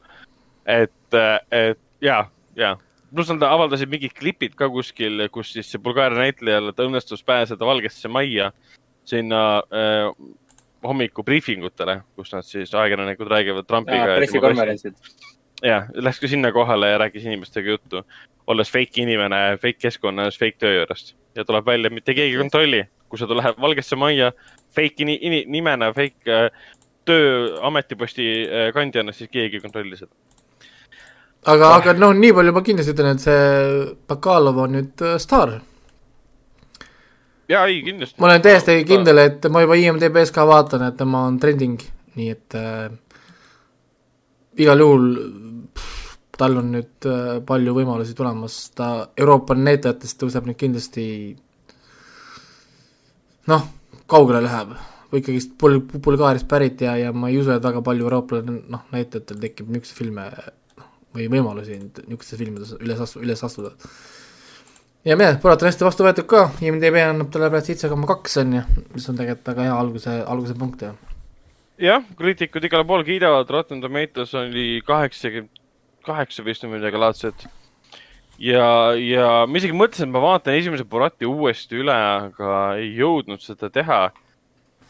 aga tundub, et see oli pigem nagu hea valik ka, sest e- ta, Borati karakter kui selline on üsna sama noodiga, kuigi noh, nagu me rääkisime, siis lõpupoole see asi läheb väga siukse roosa mannaks. no ja siis see, ja siis see bänd ko-, ko-, Covidiga ja ja, jah, see, see seos ka, mis oli väga tore, et et kohutavalt, kohutavalt naljakas ja mul on kurb, et see film nagu kinno ei tulnud, oleks praegu normaalne. kinosaalis naerda ja, ja siis ma oleks seda kinos vaadanud suurima Mm. suurima heameelega. see oleks päris kihvt olnud. jah, see kinosaali olnud, kinosaali atmosfäär äh, jah, ja, et ja kuidas inimesed reageerivad erinevatele olukordadele, ma oleks tahtnud inimeste nägusid näha, kas see Giuliani ja Jane'i ajal. ei no mind kõige, mind kõige rohkem huvitaks inimeste nägu, kus kohas siis tütar äh, karakter siis äh, läheb sinna vabariiklaste naiste ette kõnet pidama, kui ta on av-, avastanud ühe asja.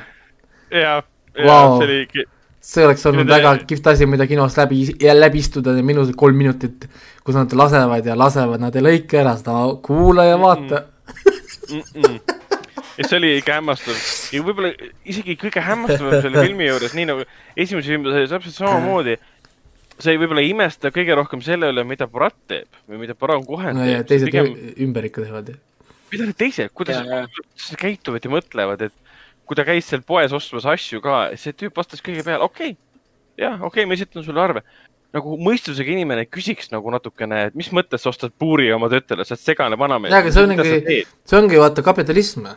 sina No jah, tahad, kõike mina on annan. võimalik osta ja kõike on võimalik müüa. mina, sina tahad, mida annan ja see on see, ehk siis seal pole mõtet süüdistada McDonaldsit sellest, et sa oled paks, sest tema annab sulle nii palju, kui sina tahad osta. sina No pead, sina jah. pead ise nagu pidama piiri. Sina osta puuri, osta kümme puuri, kui tahad oma tütrile. ja, ja mulle meeldis küsimus ka, et mitu tüt-, mitu tüdrukut tavaliselt siia puuri mahub uh,? üks. oi, see oli jah. ja, ja, ja muidugi see, kus see tüdruk sööb ära selle väikse lapse selle muffini pealt ja siis nad lähevad äh, kri- kri- kristlikusse kliinikusse.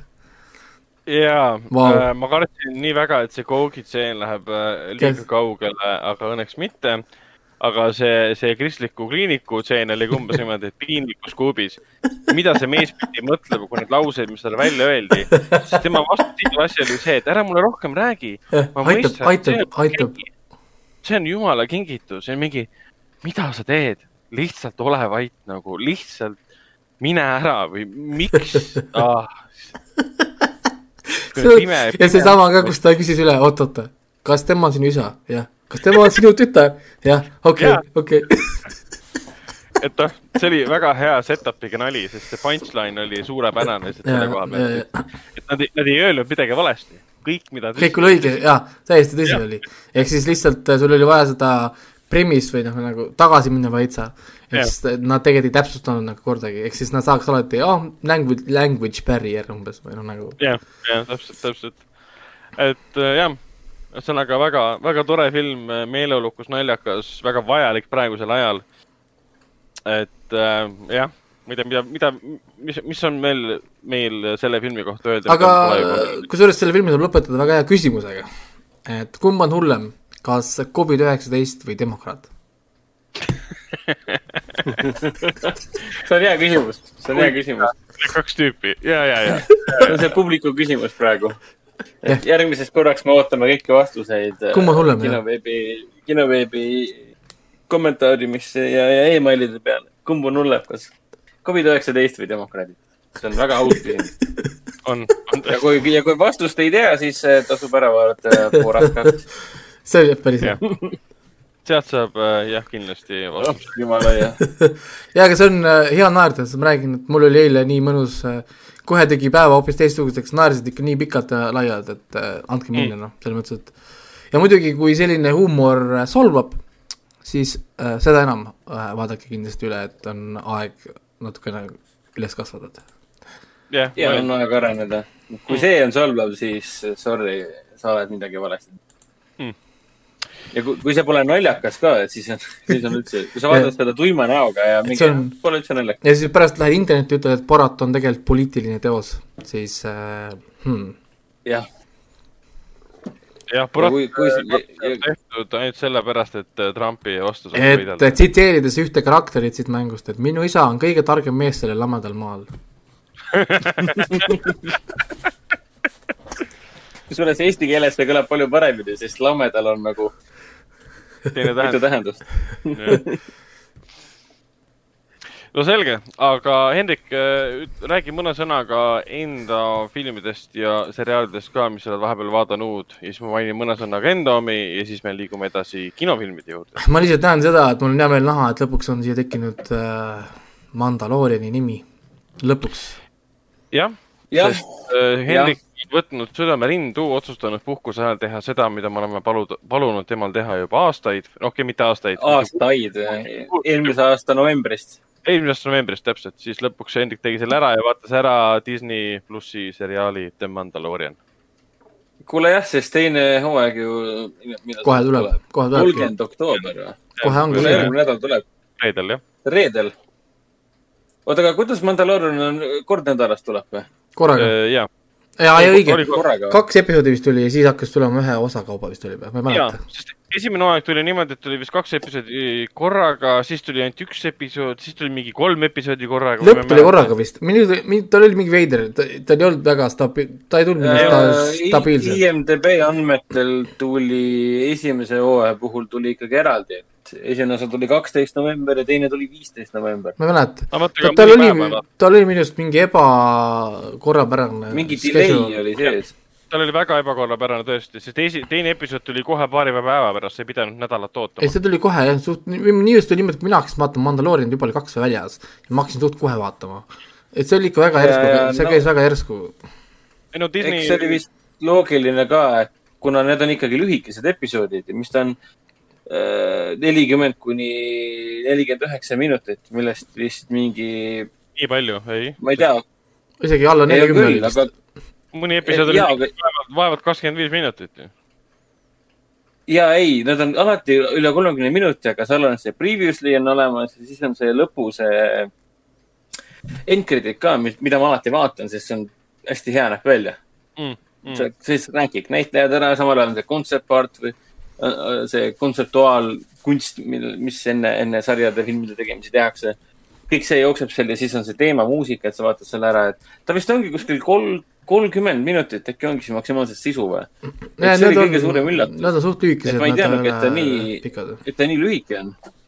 mul polnud aimugi, ma arvasin, et ta on ikka tavaline mingisugune nelja kuni viiene või midagi sellist. ei no see tuli meile omal ajal ka, no omal ajal, eelmise novembris suure üllatusena, et ta oli selline. Sest me aga arvasime, jaa, kuna siis seesamune uus hooaeg ju kohe kohal, siis ma mõtlesingi, et okei okay,, et äh, te olete mulle nii, ka, nii kaua siin pinda käinud. järgmise sarjana võtan siis The Boys'i ette, vaatan kõik kaks hooaega äh, kähku läbi, et siis äh, Raiko saaks meie, meie üle õnnelik olla. et Raiko saaks meiega suhelda jälle. Ragnar võiks- Ragnar võiks- normaalsete inimestega. võiks ka ette võtta, et sa maksad Prime video eest, aga sa vaatad Boys'i, see on nagu excuse me. jah, ma maksan Prime video eest ja ma olen viimase kuue kuu jooksul sealt vaadanud ära Borat kahe ainult. see on Jah. äh, väga Ma- nõrk väga nõrk. ma tegin, ma tegin ka alles hiljuti endale esimest korda ju Prime video ja ainuke asi, mis ma vaadanud olen, on, on Borat kaks, nii et kuidagi hale on see värk. on väga, väga, väga nõrk. Boys ja kui ta pole, kui ta pole vaadanud, Boys ja The Breacher. kaks asja. Ma kohustuslik kohustuslik, hooaega ei ole vaadanud. ja kohustuslikud Breacheri kohta ma olen ka palju Jaa. kuulnud, et seda peaks kindlasti vaatama. et need, alustage nendest ja siis, siis saate juba minna edasi, aga need on nagu pff, kohustuslik, nagu raudselt kohe. aga noh, mida rääkida Mandaloorianist, kõik on sellest räägitud nii-öelda, aga enda poolt võin küll öelda, et mulle väga meeldis. et sihuke täiega, täiega päris Star Warsi tunne oli. esialgse kolmiku, eriti just see Empire Strikes Backi ja äh, Return of the Jedi nagu tunne oli siin sees, et nagu need esialgse triloogia kaks viimast osa oli kokku äh, liidetud Rogue One'iga ja tulemus on justkui Mandalorian. et nagu minu jaoks see uus triloogia, mis puudutab Star Warsi, see minu jaoks oli see nagu meh, pleh. üldse ei tekitanud eriti tundeid. mitte ainult sinu jaoks, kuidas? mitte ainult sinu jaoks, no Raiko jaoks ka ma saan aru, et noh, minu jaoks on äh, kõik Star Warsi triloogiad on mäh. vaid see äh, eriti, okei okay,, Force, Force Awakens oli ikka päris hea isegi, olgugi et oli remake. aga kõik ülejäänud on umbes selline, et tead, mind üldse ei huvita need Skywalkerid, lõpetage ära, see on täiesti mõttetu. ja siis tuli Rogue One ja ma vaatasin, et kuule, Star Wars on jälle huvitav. oo, see film jah, sisu on vaata. Vaata ja kusjuures, täpselt, kusjuures mul oli selle ei see Han Solo ei olnud, seda ei olnud, seda filmi ei olnud. see, Han Solo püüdis sama asja teha, aga siis see oli fail. äh, ma mäletan, minu enda esimene mõte oli selle Mandaloorianiga oli see, et kas tõesti Star Warsil on story või? Mhm. et kas tõesti me saame lõpuks Star Warsi, kus on narratiiv, kas me saame, kas me nüüd lõpuks saame panna Star Warsi sinna listi ulmefilmide ja ulmemaailmas, kus on näiteks Star track ja, ja, ja muud äh, asjad, kas tõesti lõpuks? nojah, mul oli umbes sama tunne, et kas, kas üle pika aja on Star Wars jälle huvitav. ja iga episood selles, palju siin kokku neid oli nüüd siis? kümme vist olnud või? ei mäleta, kümme vist oli või? kas oli täpselt, iga täpselt, täpselt kümme vist, kaheksa või iga kümme? episood oli, iga episood oli põhimõtteliselt nagu omaette film ja minu jaoks nagu see väga hästi toimis. eraldiseisvad lood, okei okay,, üks suur äh, narratiiv on muidugi kogu hooaja peale laiali jaotatud, kaheksa episoodi peale laiali, laiali jaotatud. aga mulle meeldis see, et see oli kuidagi nii rahulik. Mingit seebikat polnud, oli lihtsalt üks salapärane tegelane, kelle kohta me saame aeglaselt miskit teada ja täpselt no, Chill. ongi nii nagu vanasti nagu seriaale tehti või filmiseeriaid tehti. ta oli, mulle ka meeldis, et oli rahulik. chill, see vend lihtsalt äh, hõljus ja ko koos Baby Yodaga ja, ja nii, niimoodi see käis. no täpselt. Aga see toimis väga hästi, jah. Ei hakatud siin mingit Baby Yoda seda, seda tausta juba esimese hooajaga ära selgitama ja ma saan aru, et see on väga suur küsimus kogu Star Warsi austajatele, fännidele või casual vaatajatele, et nagu mida perset see teeb siin nagu. kes see on mis? kuradi Baby Yoda, mis ta siin on nagu? nagu mis mõttes? Ta, ta pole isegi Yoda, ta on ju see Ja- beebi lihtsalt. ja miks ta nii võimas on? kuidas? Miks ta nii võimas on ja muud asjad seal kõik. no täpselt, no Jaa. kust, kes ta on, kust ta tuleb, kas tal on oma rahvas ka? kas noh, teises osas äkki saame siis teada, et noh, kas kui Yodat, oota, ta on beebi Yoda on ta sellepärast, et me nimetame teda beebi Yodaks. see, see on see rass, me ei ta tea laps., me ei tea ta rassi tegelikult ju, me ei tea ta rassi tegelikult. aga seriaalis keegi ei nimeta teda beebi Yodaks. ei, ei peagi nimetama, sest noh, mida nemad, mida nemad Yodast teavad, see on ju no. aeg pärast äh, impeeriumi langust ja, ja pärast seda, kui story läbi sai. mulle, mulle nii meeldib see, kuidas internet nimetabki seda The Baby Yoda Show. jaa, lõpuks ta vaatas seda sellepärast, et jõuda sinna hetke, kus väike beebi Yoda lehvitab oma käpakesega. see on, ta on küll ikka, ta on mega nunnuks tehtud küll, et äh, Disney jaoks on ta ikka nii hea produkt, mida müüa lihtsalt, et äh, väga hästi õnnestunud. ja, ja, ja, ja kui need jutud tõele vastavad, et Werner Herzog vist oli see, kes äh, veenis äh, Disneyt, et kuulge, see Baby Yoda peab olema nagu täiesti praktiline papet või noh, nukk, mitte mingisugune CGI plönn. siis nagu suured tänud Wernerile, sest noh, ta näeb on- nii hea välja, kui ta on nagu päris nukukene. See on nii nunnuliselt ja nii päris ka. see on veits nagu müütiliseks muutunud väide, sest ma olen selle kohta veits lugenud ka, et see päris niimoodi ei olnud, nagu siin väga paljud jätavad mulje. Et äh, võtteplatsil korraks toodi nukk platsile, et panna mingi positsioon paika ja siis ta viidi sealt nagu ära nuksis, et siis kasutatakse CGI-d, CGI-d.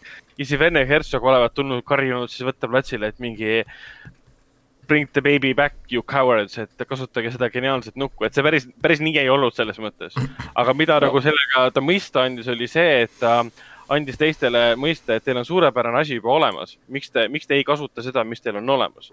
Ja lõpuks nad said sellest aru, et ahah, selge, tegelikult me oleme vaeva näinud, me oleme nukku valmis teinud ja arvutiga tehes see ei näe niikuinii nii hea välja tegelikult. no päeva lõpuks pole vahet, kuidas see miski hakkama sai, aga tore, et ta just sellisena lõppes Mm. et mulle see Pedro Pascali see Mandalorian või Mando äh, väga meeldib, see tegelane. mulle väga meeldivad sellised äh, või, western, vesterni, vesterni tegelased, siuksed äh, ilma nimeta kang, kangelased, kes liiguvad linnast linna ja võtavad töid vastu ja et kuidagi ära elada, et no täielik kosmosevestern ja mul on nii hea meel, et, et, et nagu, et Star Wars läks tagasi sinna, mis ta nagu alguses oli, et noh, space western, space äh, fantasy western story nii-öelda, et noh, et kõik need, see ongi nagu, see sari on justkui vastus kõigile neile, kellel on jumala kopp ees Star Warsist. nüüd on põhjus tagasi Star Warsi juurde minna et enne kui ei tule mingeid uusi filme, mis ei ole Skywalkerist või kuradi, kuradi millest iganes veel, millest me kõik teame juba. Darth Sidious tuleb tagasi ja hävitab jälle maailma. Who cares? lõpetage ära. Mandalorian on just see, mille pärast ma vaatan. Stand-alone lugusid on vaja Mm. mitte kogu aeg kahe, kolm erinevat triloogiat ühest ja samast asjast. ja ei, selles mõttes Mandaloon, Mandalo-, Mandaloorian oli väga suur päästja Star Warsi jaoks minu mm. arust -hmm, täpselt. ta näitab pluss ta näeb nagu, nii. ta nagu tõestas seda, et sul, sa võid ju ülimalt originaalselt äh, nagu lugu või, või maa, osa sellest maailmast nagu jutustada ja tutvustada, ilma et sa peaksid kasutama Star Warsi muusikat, teemasid. Skywalkerit, Skywalkerit, sa ei pea neid asju kasutama. me kõik saame aru, et see on Star Warsi maailm kuskil mujal. me kõik mäletame Mandaloriani karaktereid, on kõik.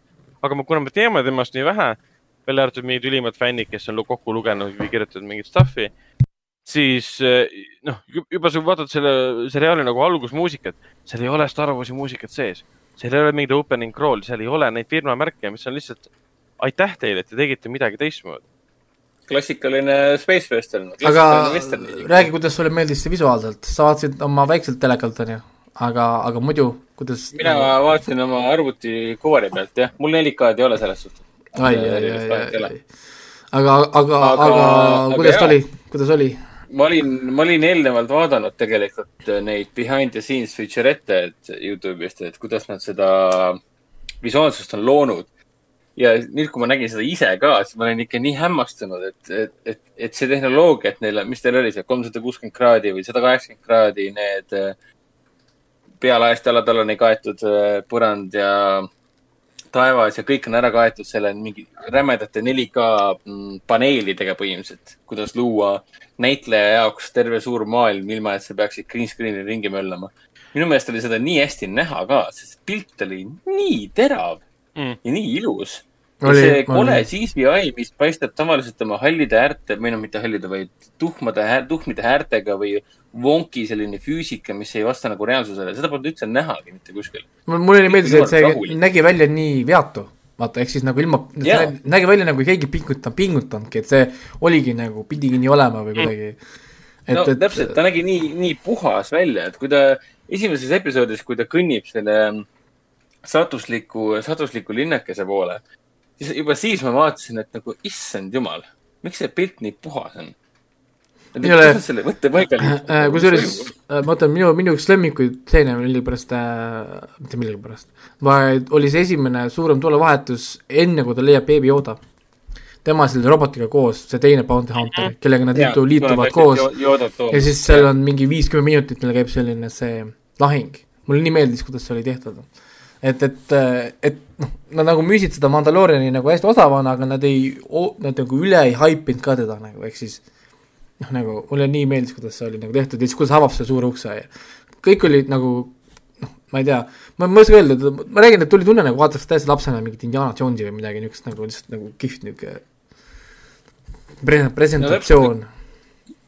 praegu need lapsed, kes seda sarja vaatavad ja leiavad, et see on imeline ja siis ma ei tea, viieteistkümne aasta pärast ikka veel meenutavad seda Mandalooriani, et kurat, see Star Wars, et see on see Mandalooriani põlvkond nii-öelda.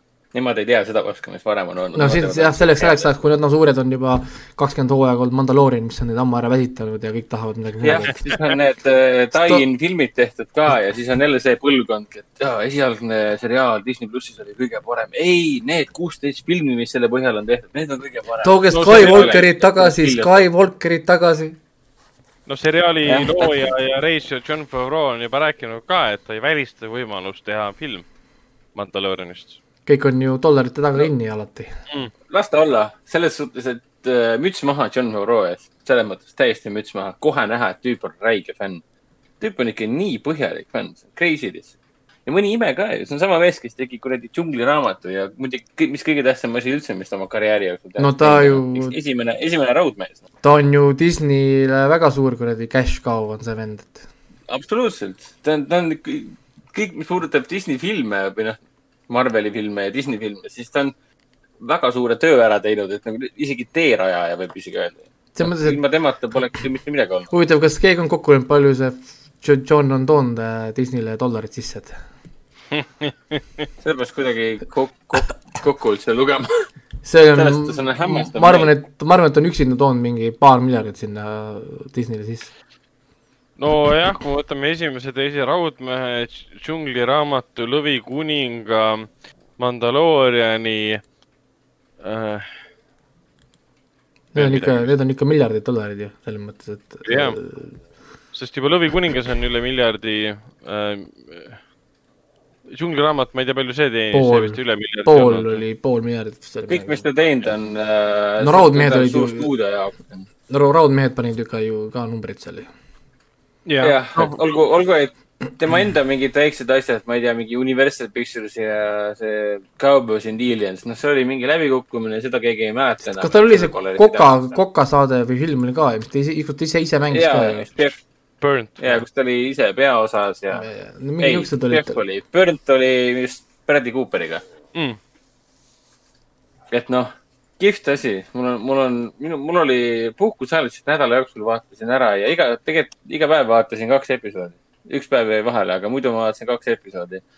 et kui sul on ikka nii lühikesed eh, osad, siis mm, sul ei ole võimalust mitte rohkem vaadata, et noh. Aga kõik see muusika ja kõik, kõik, kõik, mis filmi juures, ainuke asi, mis mind häiris, oli tegelikult see, see heisti episood, kui nad läksid koos eh, suurele Bill Burriga. Bill Burr ilmus välja ja nad läksid koos äh, väikest, väikest röövi tegema. mind häiris see, et need, ma ei tea, mis nende, kes keegi on neid Star Wars Rebelsit ja neid animatsioone vaadanud, mis nende, mis selle liigi nimi on, millel peast tulevad need kaks suurt äh, see on see, selle Ma tean küll selle naise, mõtled selle nime äh,. oota, oota, see on see mingi Ashoka Rush või? Ashoka oli selle naine, naise nimi, aga ma mõtlen, kas, kas Nakatano on üks nendest, kes kuulub sellesse rassi või? jaa, peaks olema küll. ma kohe vaatan, kes ta on. see oleks huvitav teada tegelikult, sest äh, ma isegi peaks teadma seda, aga ma olen üllatunud, et ma ei suuda seda kohe. ta on pada-, ta on Padavan teate, jah, kas ta on pada-, Padavan või, oota. ja Foreman. ei ole äh,, Species on äh. Dogruta, Need kas on need Dogrutad on siis need, kellel on? Nad on Togrutad, kellel on need kaks suurt tükki jah, seal pea oota, peal. aga need Dogrutad on hoopis teistsugused kui need, kes olid Mandaloorianis. Togruta peaks küll olema see. igatahes mind häiris see, et äh, seal äh, Bill Burri episoodis Mandaloorianis äh, nad olid vist mingisugused helesini, sinine või mingisugune hele, helerohelist värvi. see värv nende nahal mõjus veits feigina, umbes sihuke tunne, et nagu veerand tunniga värviti keha ära ja mine nüüd võttesse. see kohati tekitas, tekitas mulle tunde, et nagu ma vaataksin natuke liiga odavat episoodi. ma ei tea, kas teil oli sama tunne? ei ütleks, minu arust nägi kõik täpselt see meigi osa nii välja, nagu ta pidi välja nägema. Päris seda Guardians of the Galaxy tunnet nagu ei olnud, et seal meil ju Zoe Saldana tegelane. tumedamat rohelist värvi või niisugune heledam, tumedam roheline. tema on nagu väga autentse välimusega, siin ta kuidagi mõjus lahjalt. aga see on ka ainukene kriitika, mis ma oskan äh, öelda Mandaloor-, Mandalooranile, et viimased äh, kaks osa olid küll niimoodi, et nagu lühikese Aa. ajaga oli võimalik tekitada nii palju draamat ja traagikat ja kurbust ka veel, et noh, Mm. pluss Nick Nolte teeb oma üle pika aja oma karjääri mingi parima rolli, et noh. nii I, have spoken. ma nüüd äh, saan I have sulle spoken., ma saan sulle öelda selle rassi ka nüüd, see rass on Twi'lek, mis asi? Twi'lek, Filek või? Twi'lek on siis see rass äh,, kes on siis near human ja, ja nad on siis selle Rutiani alarass ehk siis see sarna nagu samasse ala, al, alarassi, kus Hashokan on või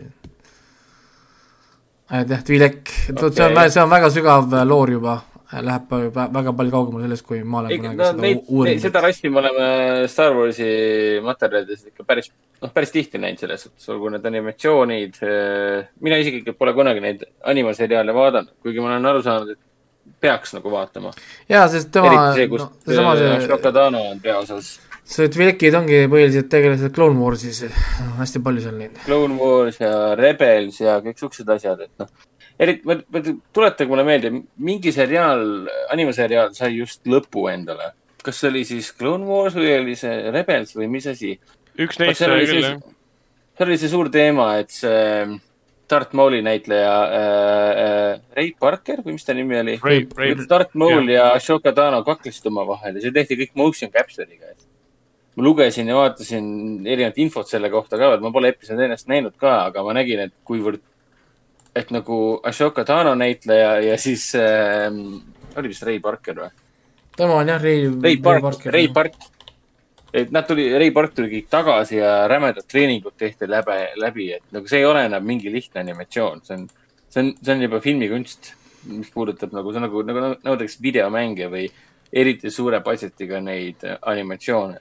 aga jah, mul on vanasti oli lihtne, et me animeerime, et aga nüüd on juba motion capture kõik. mul on kahjuks pooleli see Clone Wars, ma olen seda vaadanud mingi neljanda hooajani või viienda hooajani.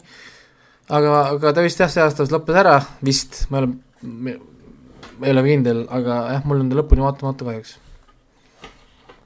et ma hakkasin teda uuesti vaatama mingi hetk koos pojaga, ma hakkasin talle siis reaalajas ise, ise tõlkima, sest tema on nüüd suur Star Warsi fänn, kui ta hakkas saama omale mm. neid Stormtrooperi kujukesi ja asju ja siis ta tahtis teada, kust nad tulevad, siis ta nägi lightsaberit ja siis oli tehtud noh, ahah,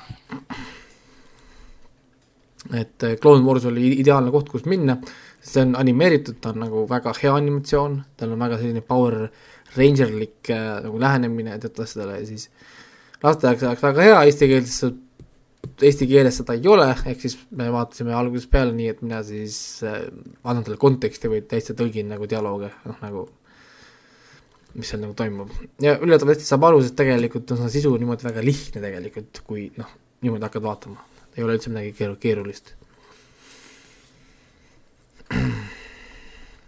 Nii et jah, Hendriku Mandalooderi seiklus on al-, ala, alanud. jah, sul vedas,, ma ootan järgmist nädalat, et saaks kohe alustada. mainiks veel nii palju ära, et Fly Menorit vaatan, aga ma olen toppama jäänud viienda osa juures praegu. viies osa Nii. tõmbas äh, tuurid täiesti ülesse. mina olen, mina olen ka viienda osa juures ja olen sinuga nõus tuuride osas. noh, vähemalt praeguse seisuga, et pool hooaega on vaadatud, võin öelda seda, et Hill House meeldis mulle rohkem. sest, sest äh, seal oli see draama ja ekstreemselt creepy ja õuduse tasakaal nagu täiesti paigas nii-öelda, mõlemat oli võrdselt. siin Bly Manoris on natuke seda draamat rohkem, aga kindlasti mitte nagu negatiivses mõttes, pigem nõuab harjumist see, see osa, aga viies osa, neljas-viies osa küll tõmbasid ikkagi noh, pidur võeti maha lihtsalt, et läh-, läh-, minu jaoks, minu jaoks mindi nii põnevaks ja nii, nii, nii ootamatuks ära, et osasid asju sa näed juba algusest peale. et noh, kindlasti siin on üks twist, aga see, kuidas Mike Flanagan need twistini jõuab, sa võid enda arvates teada, mis see on, kuhu jõutakse, aga kuidas sinna jõutakse, on hoopis teine, teine muusika, et see on väga Mm. vinge uh,. äh,. Climenali kohta ma ütleks jah, täpselt nii palju, et um, esimese viie episoodi jooksul häirib minu, häirib minu, ütleme sellist naudingut, mida ma üritan nagu leida endast, sest on ikkagi samad tegijad.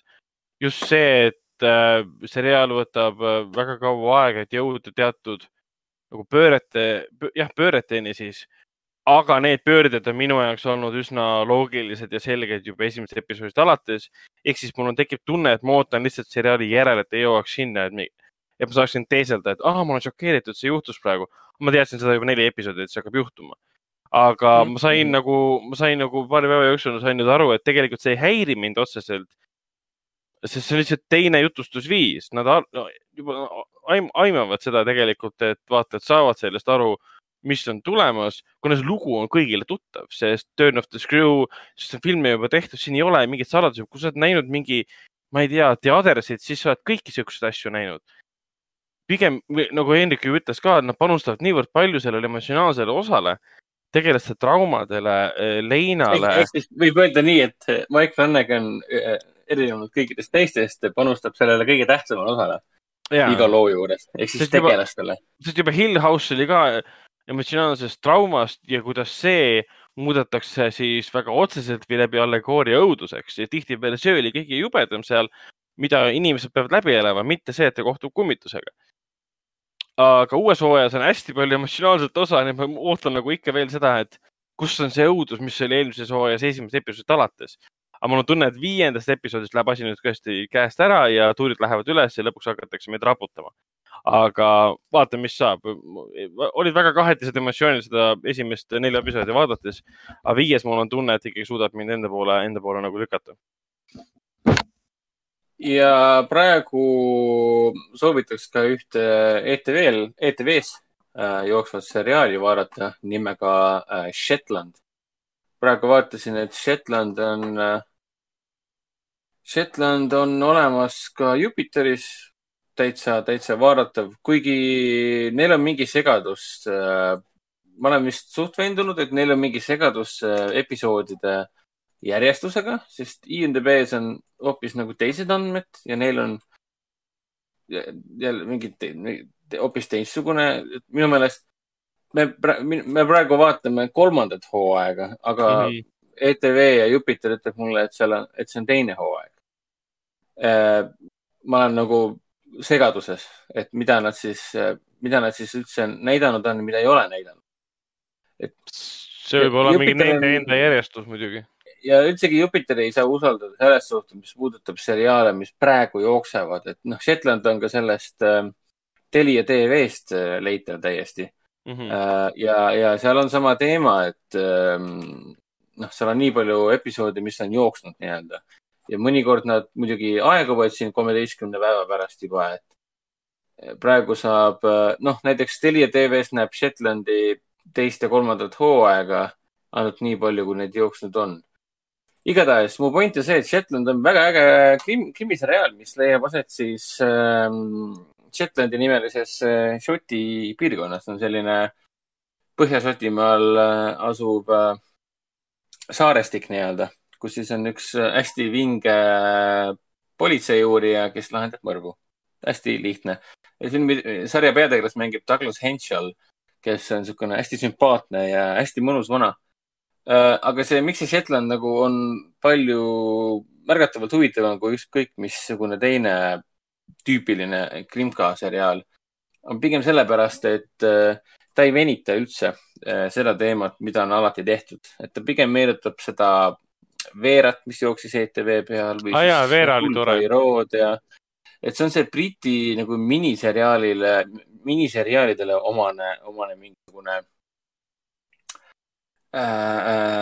formaat, et ühes hooajas ei ole kümme episoodi, ühes hooajas võib olla ainult kaks episoodi, näiteks Shetlandi esimeses hooajas on kaks episoodi ainult, rohkem ei olegi. teises hooajas on kaheksa episoodi ja kolmandas on siin, ei, teises hooajas on ainult kuus episoodi ja, ja kolmas hooaeg on üldse niimoodi, et kogu kolm, ma vaatasin järgi, et kogu kolmas hooaeg räägib ühest juhtumist. Tähendab mõrvade jada, mis saab osa äh,, alguse ühest juhtumist nii-öelda. eks ta on väga story põhine äh, mõrva, mõrvamüsteeriumi seriaal nii-öelda.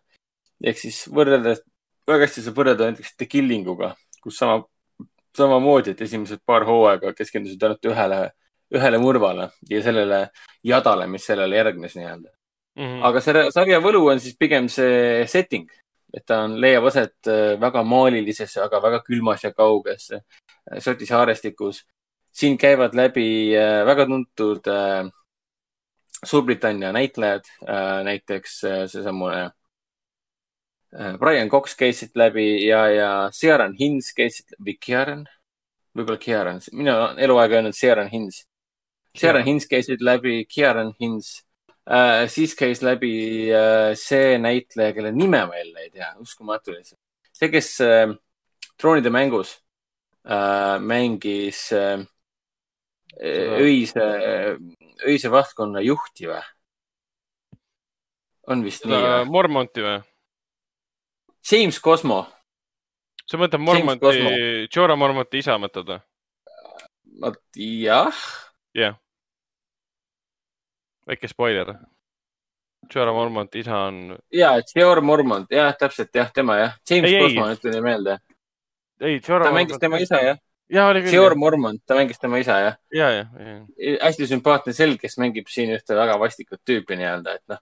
ja ta on hästi sihuke rahulik ja niisugune mõtlik seriaal, siin tehakse, tegeletakse ka isikliku draamade, isiklike draamadega ja nii edasi, aga see kõik on kuidagi kaunis äh, šoti niisugune muusika ja, ja ta ei, ei ole mingit närveldamist, on, valgus on maha keeratud, sest on kaugel põhjas ja nii edasi, et kuidagi, kuidagi südamelähedane seriaal nii-öelda, niisugune, tahad, tahad kohe võtta selle kuuma tee ja vaat-, vaat-, vaadata, kuidas Douglas Hensel koos oma sõpradega siin mõrvu lahendab. kuidas elu on ebaõiglane ja kaugetes kohtades juhtuvad imelikud asjad, et kindlasti soovitan vaadata nii, kuidas seda kätte saab. Ta jookseb mm. igal reedel, see on see ETV krimireede või mis ta on seal, Krimka reede, kuidas iganes nad seda nimetavad. nii. aga siis ongi jäänud ainult kaks asja, mida mina ja vend oleme koos vaadanud. jah, nendeks on Lõuna-Korea filmid Take Point ja mm, The Beauty Inside. Take Point ise on siis, mis ta oli aastast kaks tuhat kaheksateist, kaheksateist. muidugi peaosas mängib seal jälle üks, üks tuntumaid äh, Lõuna-Korea staare, eriti nüüd praegusel ajal. tema nimi oli, vaata, ma peast ei julge seda öelda.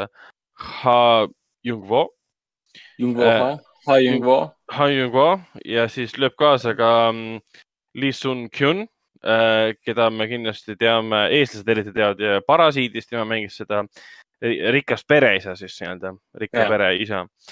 ja, ja Take Point ise läheb veits kokku, ühes saates me rääkisime Ashfallist, kus on ka sama näitleja äh,, Ha Jung-Wo. Take Point on jälle algab Lõuna-Korea ja, ja siis Põhja-Korea nagu suhetega, mis on eriti huvitav vaadata, kuidas Lõuna-Korea suured, suured, suured action filmid, mis teenivad korralikult, et Take Point teenis näiteks kaksteist koma viis äh, miljonit box office'is, ma ei tea, mis perioodi peale see on, et ma pean uurima selle kohta natuke hiljem. see on väga väike summa, aga see tuli ilmselt välja ka, vaatame nüüd detsembri kaks tuhat kaheksateist, huvitav. igatahes me peame seda uurima, mis äh, numbrid need on. Aga filmis on jälle, jälle sellest, et kuidas, kuidas Põhja-Koread üritatakse mm, nagu nende äh, tuumarelvi üritatakse jälle ära kaotada, ära viia, ära, ära võtta, teha lepingut, teha koostööd. nii nagu Ashfallis oli, et toimub äh, Põhja-Korea denuclearization, ka siin Take Pointis toimub see aga see samal ajal, kui see toimub, toimuvad väga mitmed poliitilised mahhinatsioonid, mis viivad sõna otseses mõttes Põhja-Korea juhi röövimiseni, tema mõrvakatseni ja Lõuna-Korea ja väga erinevatest eh, eh, inimestest koosneva meeskonna sellise tohutu suure nagu varitsuse lõksuni et kogu lugu leiab aset Põhja-Koreas äh, maa-aluses punkris, mis on ehitatud selle jaoks, kunagi väidetavalt filmi järgi siis, et siis Lõuna-Koreasse tungida. aga nüüd on seal siis äh, põhimõtteliselt see Põhja-Korea äh, sõjaväe kohtumispaik on sinna tehtud ja sinna läheb parasjagu siis rahvusvahelisest äh, rahvusvahelisest inimestest koosnev meeskond, kelle eesmärk on üks kindral kinni võtta, seal on hoopis Põhja-Korea juht, tahavad tema kinni võtta. Ja seda tehes nad satuvad täiesti nagu uskumatute sündmuste keerisesse, mis viib põhimõtteliselt peaaegu et kolmanda maailmasõjani.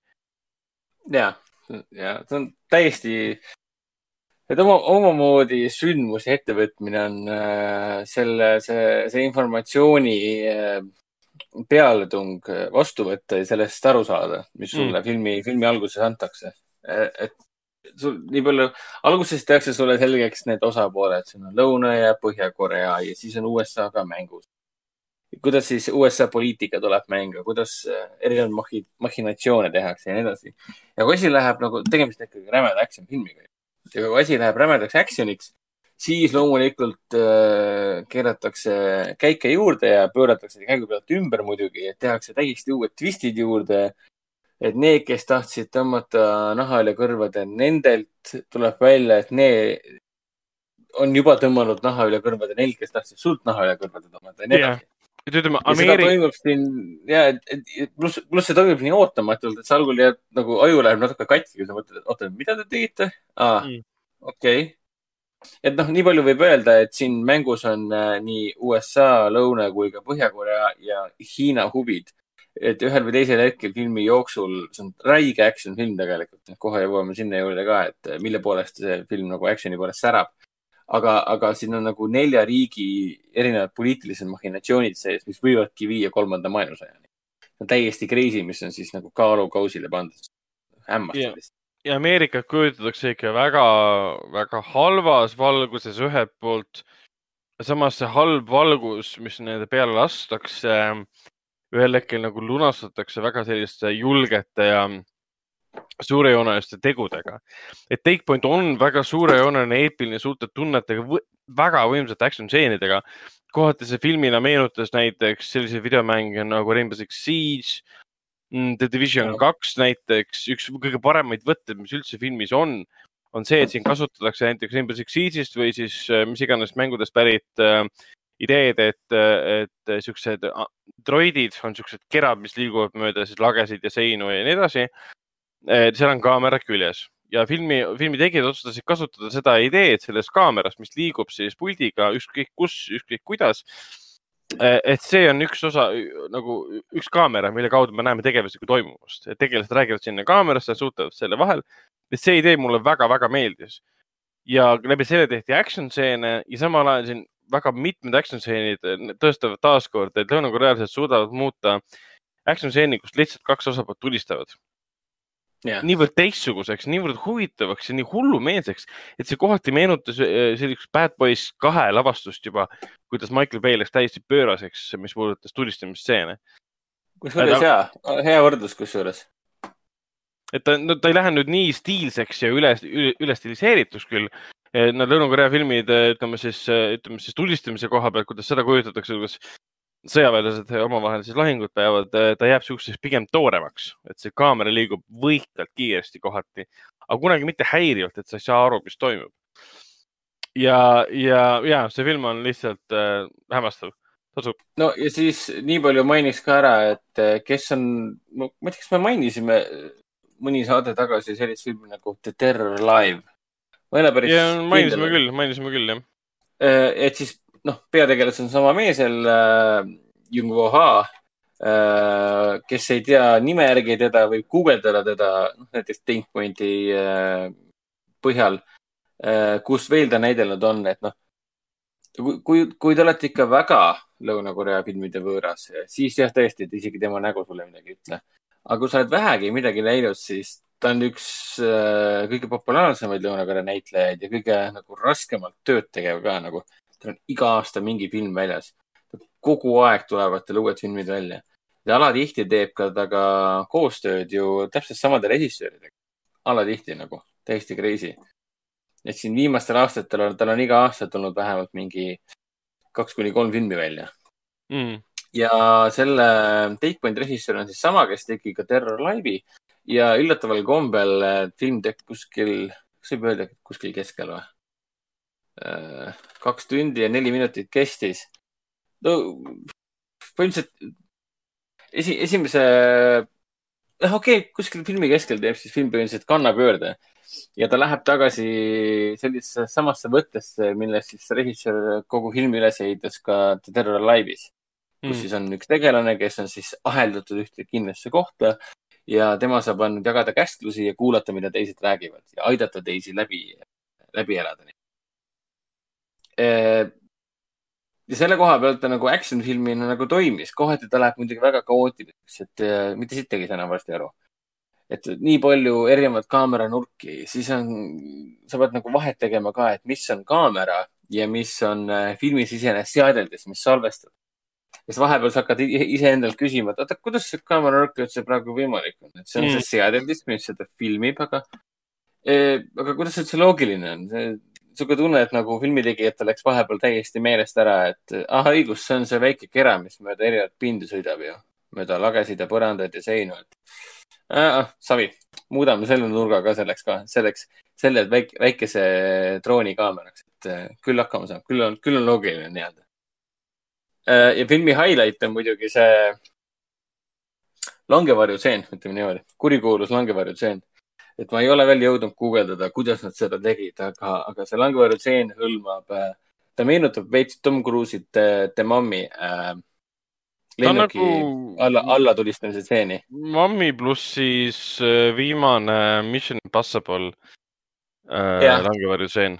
aga, aga vist võib öelda, et isegi oma, oma, oma puhta nagu adrenalaksu poolest on ta nagu isegi crazy im, et kõik, mida lõunakorealased teevad, et isegi kui noh, mina, mina tunnistan küll, et ma olen nagu piisavalt palju Lõuna-Korea action filme vaadanud, et Take Point on küll umbes selline, et eh, tema, tema, tema action filmile omane areng on pigem niisugune veidi liiga tüütu. Ähm, ta muutub igavaks lihtsalt, aga on näha, et meil on lihtne action filmi sisu, aga me püüame selle siis selle poliitilise loenguga nagu ellu äratada ja, ja, ja erinevate pöörete ja twistidega seda kõike hästi huvitavaks muuta, hästi erakordselt muuta. ehk ei pane publik otseselt tähele, et see sisu ei ole ju, ei ole tegelikult nii sära, kui ta tegelikult võiks olla. aga noh, sellest sõltumata, see langeväärne tseen oli küll niimoodi, et äh, hinge kinni, sest noh ja siis see või, jumala võimas muusika äh,, hästi emotsionaalne, sihuke rock n roll muusika tuli taustas ka veel et isegi kui sul on film äh, pigem tekitab siukse pettumustunde, et oleks võinud olla nagu veits sügavam ja kuidagi, kuidagi paremini läbi mõeldud, siis, siis see viimane tseen on see um, episood filmist on umbes selline, mis, mis sunnib sul nagu andeks andma kõik vead, mis filmil on, siis sa nagu täiega elad emotsionaalselt kaasa, crazy mm. täiesti mm et kellele meeldivad poliitilised äh, action filmid, siis äh, palun äh,, Take Point on täiesti vaadatav ja ta täiesti, osaliselt ka täiesti inglisekeelne ka. Inglise, inglise ja korea keeles siin mängib ja, tegelikult äh, Kevin Duran mängib siin. mängib äh, lätlast. mängib lätlast kelle nimi on Markus Kaaga. kes ei räägi jah, kes räägib nii nagu Kevin Durand ikka räägib ja Jennifer Eel mängis siin ka, aga mul ei tule meelde, kus ma viimati nägin Jennifer Eeli ja väga tuttava näoga näitleja oli küll. üsna tuntud jah, Hollywoodi, Hollywoodi näitleja. ta on ikka nagu, no on olnud selles suhtes erinevates. kaks tuhat neliteist Robocopis isegi mängis, noh, nägu tuleb tuttav ette. niisugune tähtis tädi nii-öelda, ta mängib erinevates filmides tähtsat tädisid tavaliselt et sellest ma olen nagu aru saanud. et rahvusvaheline seltskond väga vingete näitlejatega ähm,. aga jah, soovitan, et kui teile näiteks äh, Gerard Butteri see äh, Has Fallen seeria äh,, mis see nüüd oligi? esimene oli White House Has Fallen või mis ta nimi oli äh,? ei, Olympus, Olympus Has Fallen. White House Down või mis see oli? Olympus Has Fallen oli esimene mm. -hmm siis oli see London Has Fallen ja siis viimane oli Angel Has Fallen, et kui see seeria mõjub teile nagu nõrgemõistusliku timitamisega, siis äh, Take Point on kogu see, see, kogu, kogu Gerard Butteri seeria kokku pandud, paremaks tehtud nii-öelda. loogilisem, loogilisemaks ka äh,. nii, aga siis me vaatasime väga, väga, väga head äh, viie aasta, viie aasta tagust äh, romantilist komöödiadraamat Lõuna-Koreast, -hmm. mille nimi on, mille nimi on The Beauty Inside. ja üllatus on see, et The Beauty Inside reaalselt põhineb äh, Drake Toremuse samanimelise veebiseriaali põhjal. ei, see on isegi veebiseriaal, sellest on väga raske aru saada, see on sotsiaalne film, mis tuli aastal kaks tuhat kaksteist välja, see oli sotsiaalne äh, siis ma saan aru, et ta oli kuuepisoodiline. inter, in- internetiseriaal, mida oli- kus tootis Intel ja Toshiba, what the fuck siis. ja selle seriaali point oli selles, et kõigis kuues episoodis said äh, inimesed, osa publikust kaasa lüüa selles, teha valikuid no, tegelase eest. mingi kummaline sotsiaalne interneti eksperiment aastast kaks tuhat kaksteist ja Drake Toremus on Toremus, Toremus, Toremus on siis see mees, kes tegi Anton Jeltsini ja selle mm, Felicity Jonesiga selle Like Crazy uh,. siis ta tegi Guy Pearce'iga Breed Inni, siis ta tegi ka mingi kummalise noorteka nimega Equals ja tema viimastest filmidest just jooksis ka Eesti kinodes siis see Endings Beginnings. Hmm. Haley, Shailene Woodley ja, ja teiste toredate meesnäitlejatega nagu Jamie Dornan ja Sebastian Stan, et Drake Doremus on nagu tegija või noh, niisugune indie tegija. Sestap oli ka väga, väga suur üllatus, et see kontseptsioon, mis siis The Beauty Inside'is on, et see pärineb tegelikult siis Hollywoodist. aga mis me arvasime filmist? selles mõttes, et äh, mulle Aasia romantilised äh, draamakomöödiad väga meeldivad et nii palju, kui ma neid näinud olen, siis nii enamik neist on alati nagu sügavalt hinge, hinge pugenud ja lõpus seal äh, oled kas siis pahviks löödud või siis töinad, töinad nagu väike laps pärast seda, kui ta on varba ära löönud. noh, on ju. Ragnar? Väga unikaalse ideega, olgugi et see on siis sellelt äh, Drake Toremuse mingit imelikust sotsiaalsest äh, seriaalist võetud. aga noh, idee iseenesest seisneb siis selles, et äh, üks mees on viimased kaksteist aastat ärganud üles iga kord uue, uue keha, uue näoga. et mis tähendab, et ühel hommikul ärkab, ütleme pensionieas naisena, järgmisel päeval ärkab ta kahekümne viie aastase noormehena, järgmisel päeval ärkab ta keskealise mehena ja need kõik kehad ja näod on unikaalsed, mis tähendab seda, et nad on, ei kordu. mitte kunagi ei kordu. ja filmi see- jooksul ma ei pannudki tähele, kas me üldse kordagi nägime tema päris nägu ka. ma saan aru, et tema päris nägu ka. päris, päris nagu ei näidatud, sest ühel hommikul avastas, et tema nägu muutub, tema ema sai sellest kõigest nagu aru, sest tal endal oli sellega, ütleme, seos eh, olemas ja kuna ta ise siis toodab mööblit, täpsemalt siis ähm, toole, mis on siis spetsiaal, spetsiaalselt inimeste jaoks loodud, mis tähendab seda, et inimene annab äh, oma soovid, milline tema tool võiks olla ja vastavalt tema kehale luuakse siis tool ka. siis ta saabki veeta kogu oma aja, muutudes iga päev, iga, noh, selles mõttes see muutus tekib ainult siis, kui ta magama jääb ja üles ärkab. et kui ta mitu päeva on üleval, siis ta, ta ei muutu vahepeal. siis ta istubki või noh, veedabki aega siis oma, oma selles, selles äh, töökojas ja teeb siis väga kallist äh, tööd, mis, mis müüakse suurte rahadega maha. ja see tähendab muidugi seda, et tal pole kunagi, kunagi olnud suhteid ega mitte midagi. aga ühel hetkel ta siis muidugi armub ühte, ühte neiusse, kes töötab poes, kes siis müüb äh, kaupa, mis puudutab toole ja mööblit ja ta on siis tema, teda nagu vaatamas käinud ja rääkimas käinud temaga juba korduvalt, aga iga, iga päev siis uue inimesena. ehk siis ta pole kunagi julgenud temaga midagi teha ja siis ühel hetkel ta läheb ja astub, teeb selle sammu, et ikkagi läheb temaga välja, muidugi klikivad ja kõik on ilus ja ideaalne, aga noh, mees suudab võib-olla kaks, palju ta suutis, kolm päeva suutis üleval olla. siis ta jäi Mhm. ühel hetkel magama, siis ta lõpetas igasuguse suhtluse ära ja ütles, et ma ei saa sinuga kohtuda, sest noh, mida sa teed, kui sa eelmisel päeval ärkad üles äh, seitsmekümne aastase vana mehena, sa ei saa minna tema juurde, et kuule, sa oled mina, keda sa armastad, noh. muidugi see ühel hetkel läheb sinna välja, et ta saab temaga uuesti kokku ja selgitab talle oma olukorda. Ja siis tundub, et kõik on jälle ilus, ta naine mõistab seda ja, ja ühel hetkel nagu suhe ikka areneb umbes, aga see hakkab omakorda tooma probleeme sisse, kus siis naise nagu vanemad ja õed ja töökaaslased hakkavad rääkima, et kuule, kõik on siin näinud iga päev erinevate meestega, isegi naistega, kuna see, ta muutub naiseks ka mõnikord. et see tekitab väga palju küsimusi, hakatakse mingiks noh, halvas mõttes nagu mingiks hooraks nimetama, et sa oled nagu naine, kes käib nii paljude meestega väljas, ta ei saa kunagi oma vanemat jõuda teda viia, et see hakkab naist psühholoogiliselt ühel hetkel väga palju mõjutama, mis viib nad uuesti omakorda lahku. mees on see, kes võtab selle sammu siis, et säästa naist äh, äh, selle kogu see, kogu see suhte traagikast nii-öelda, aga lõpus muidugi saavad jälle kokku ja kõik on hästi ilus. Aga ta on hästi-hästi nunnu, ta on hästi armas ja hästi tore ja hästi kurb ja hästi traagiline.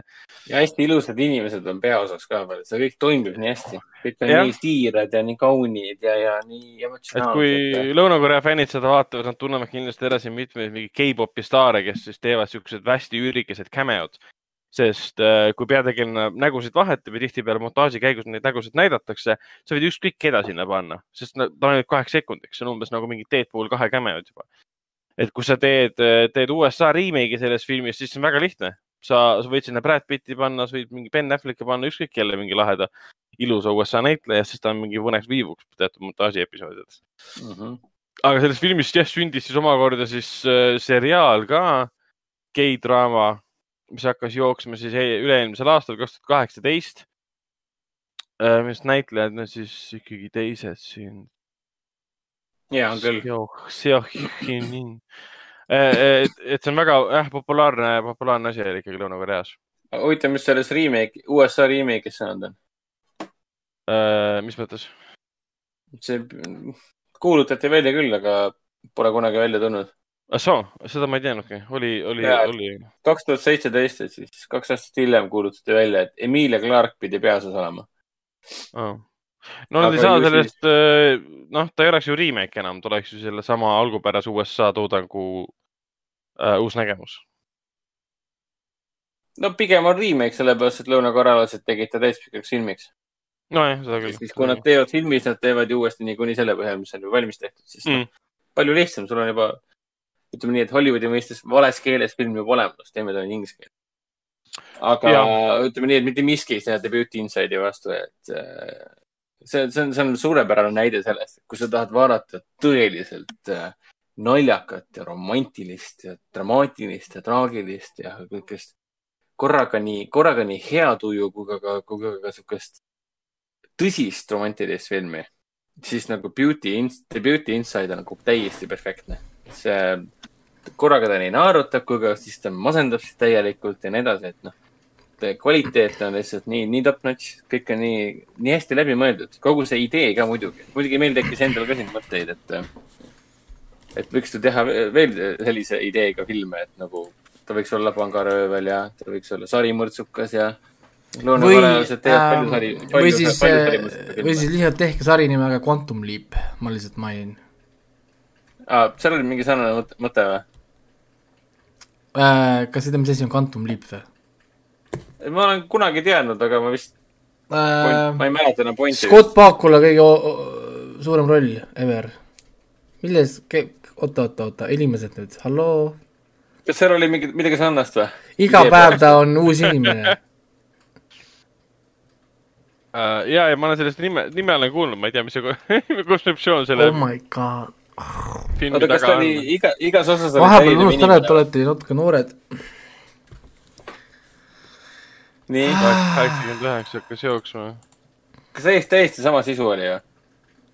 ei no seal Ei, olnud päris sisu seal oli niimoodi sisu, et äh, nad olid tulevikus, nad tegid äh, katse või, või ütleme, majas rändamise katse ja siis ta sattus, tema see teadvus sattus siis rändama suvaliselt, hüppab ajas suvalistesse inimeste sisse. ta vahepeal on alaarenenud poiss, siis ta on ta naine, siis on ta teadlane, siis on ta poliitik. või me võime rääkida näiteks sarjast nagu The Pretender ärge öelge, et te seda ka nüüd ja Eesti Kanal kahes kunagi jooksis Kameelioni nime all. aa, Kameelioni ma tean küll. Vaata selle Pretenderi ingliskeelne nimi, nimi, nimi ei olnudki Chameleon. ei ta oli Pretender oli minu arust sarja nimi. kui ma hiljem kunagi vaatasin seda, mul oli, mul oli isegi kunagi oli korraks DVD-s ette. neli hooaega vist, vist äh, oli seda. väga kihvt seda ma asi. mäletan jah. seal oli vist see teema, et äh, ta suutis ta oli, iga ta, inimese jaoks omandada ei ta oli ta oli, ta oli, ei ta oli ultrageenius. ehk siis, kui ta mõtles, et ta on arst, siis tal läks umbes üks päev aega, et olla arst või kirurg. tahtis olla piloot, siis tal läks üks päev aega, et olla piloot ja, ja, ja, ja nüüd tuleb meelde. ta, ta, ta, ta suutis võtta endale mis iganes oskuse või rolli ta tahtis ja instantselt seda teha ka täpselt nii, täpselt nii, nagu see käib. Ja siis teda aeti taga, need agendid ajasid ajasid teda taga, tema võttis endale uue rolli, lahendas kellegi mure, aitas kedagi, siis agendid juhtisid talle järgi, aga siis ta oli juba, juba edasi liikunud ja niimoodi oli repeat.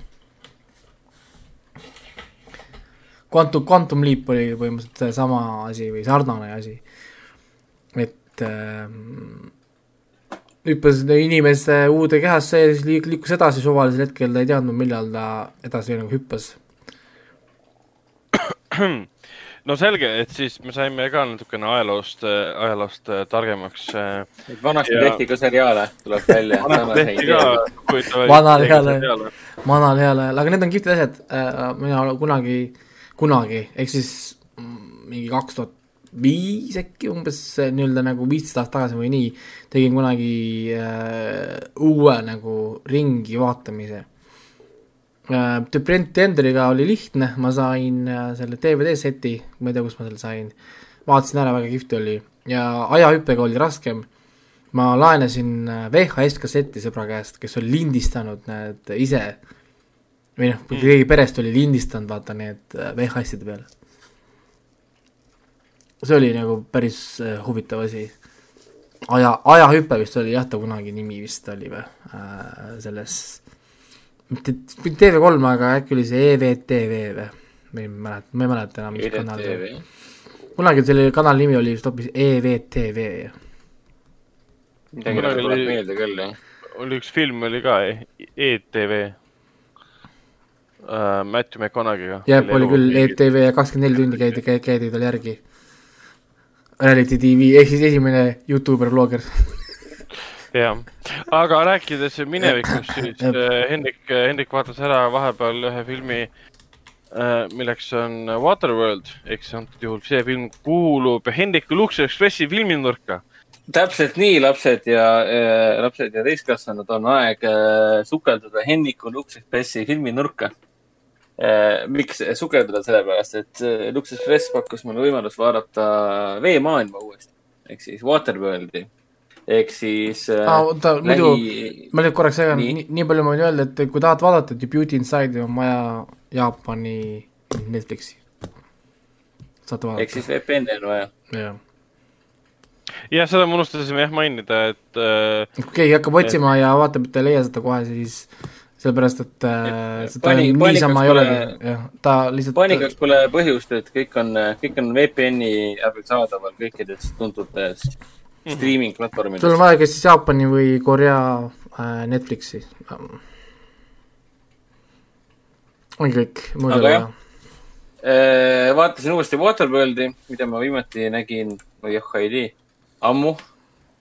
ma arvan, et viimati äkki aastal kaks tuhat viis, midagi sinnakanti, sest mul ei ole reaalselt mälu enam, millal ma seda asja viimati nägin. Aga ühte asja ma tean, et äh, see, see asi on mulle alati meeldinud ja ma ei ole kunagi aru saanud sellest rämedast kriitikast, mis selle filmi pihta äh, alatihti, alatihti suunatakse, et äh, ebaloogiline ja, ja, ja, ja no ebaloogiline ta kindlasti, aga see ei puutu asjasse. tegemist on ikkagi Mad Maxi nii-öelda mitteametliku spin-off'iga või rip-off'iga pigem ähm,. Aga kes ei tea, mis on Waterworld, siis Waterworld on siis Kevin Costneri üheksakümne viienda aasta postapoliitiline film, kus siis kogu maailm on kattunud vee alla ja inimesed on juba mitusada aastat elanud siis vee peal, veelinnades, veesõidukitel. ja, ja kogu ülejäänud maailm on siis igaveseks ajast igavesti kadunud. asi on isegi nii kaugele jõudnud, et keegi enam isegi ei tea täpselt, et kus äh.... inimesed on- on hakanud, inimesed on juba veendunud selles, et mingit kuiva maad pole kunagi enam olemas olnudki, et nii kaugele on asjani. et ongi, ongi ainult ookeanid või no ookeanit ei eksisteeri, on ainult vesi. ja, ja need, kes tulevad ütlema, et kuule, et kuskil ikka on äh, kuiva maad, siis selle kohta öeldakse, et kuule, ära aja oma hookus-pookus, see on täielik müüt ja väljamõeldis, et äh, raiskad, raiskad õhku ja raiskad vett ja ära jama. aga äh, mida nagu enne mainisin, et tegemist on ikkagi siis üsna konkreetse äh, Mad Maxi seeria rip-off'iga. Ta esialgu oligi mõeldud sellisena. aga siis nad võtsid kätte, et kuule, aga mis siis oleks, kui ähm, kõrbestumise ja, ja naftasõdade ja kõikide selle asemel.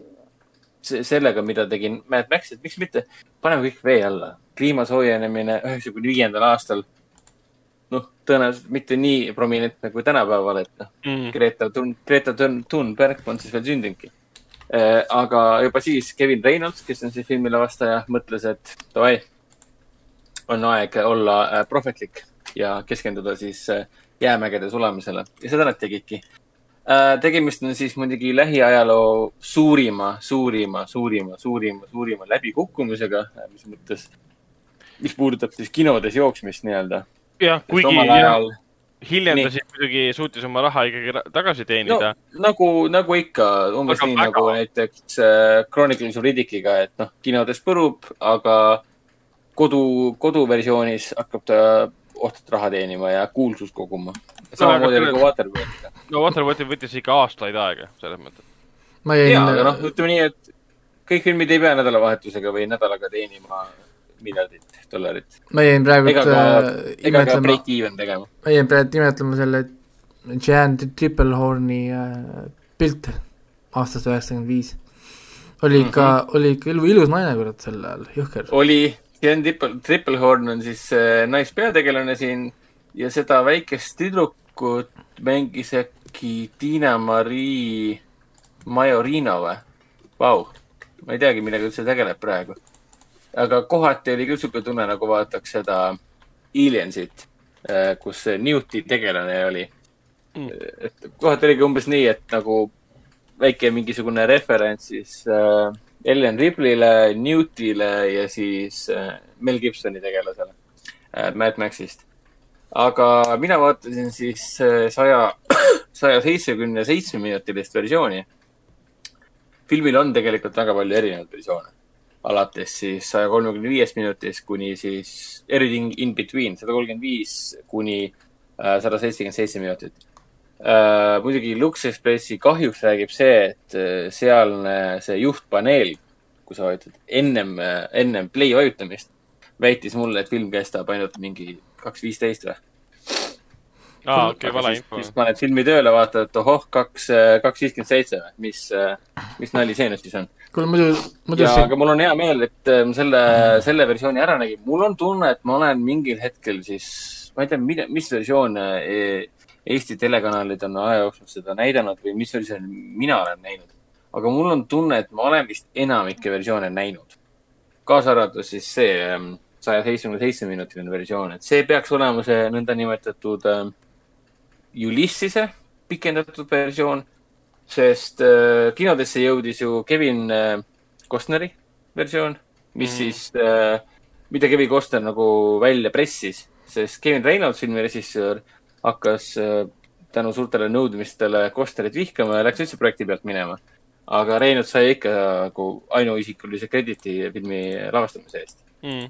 et rääkimata tohutu suurtest produktsiooniprobleemidest, mis siis kuidas, need inglise keeles ütlevad, kokkupõrkumisest. egod, egode kokkupõrked ja siis probleemid äh, produktsiooni jooksul, sest loogiline, see on tohutu suur ettevõtmine äh,. selle- muidugi see budget äh, sky- skyrocketis täiesti, et Jaa. nii ime, et nad olid lõpus, kui kinodesse jõudis, nad mõtlesid, et kes seda filmi enam vaatama tuleb ja, kas selle on võtet ei löö mitte see, et nad ehitasid selle tohutu pargi valmis, kus nad tegid selle veelinna ja siis saabus mingisugune orkaan, mis selle kõik ära hävitas, pidid selle uuesti ehitama.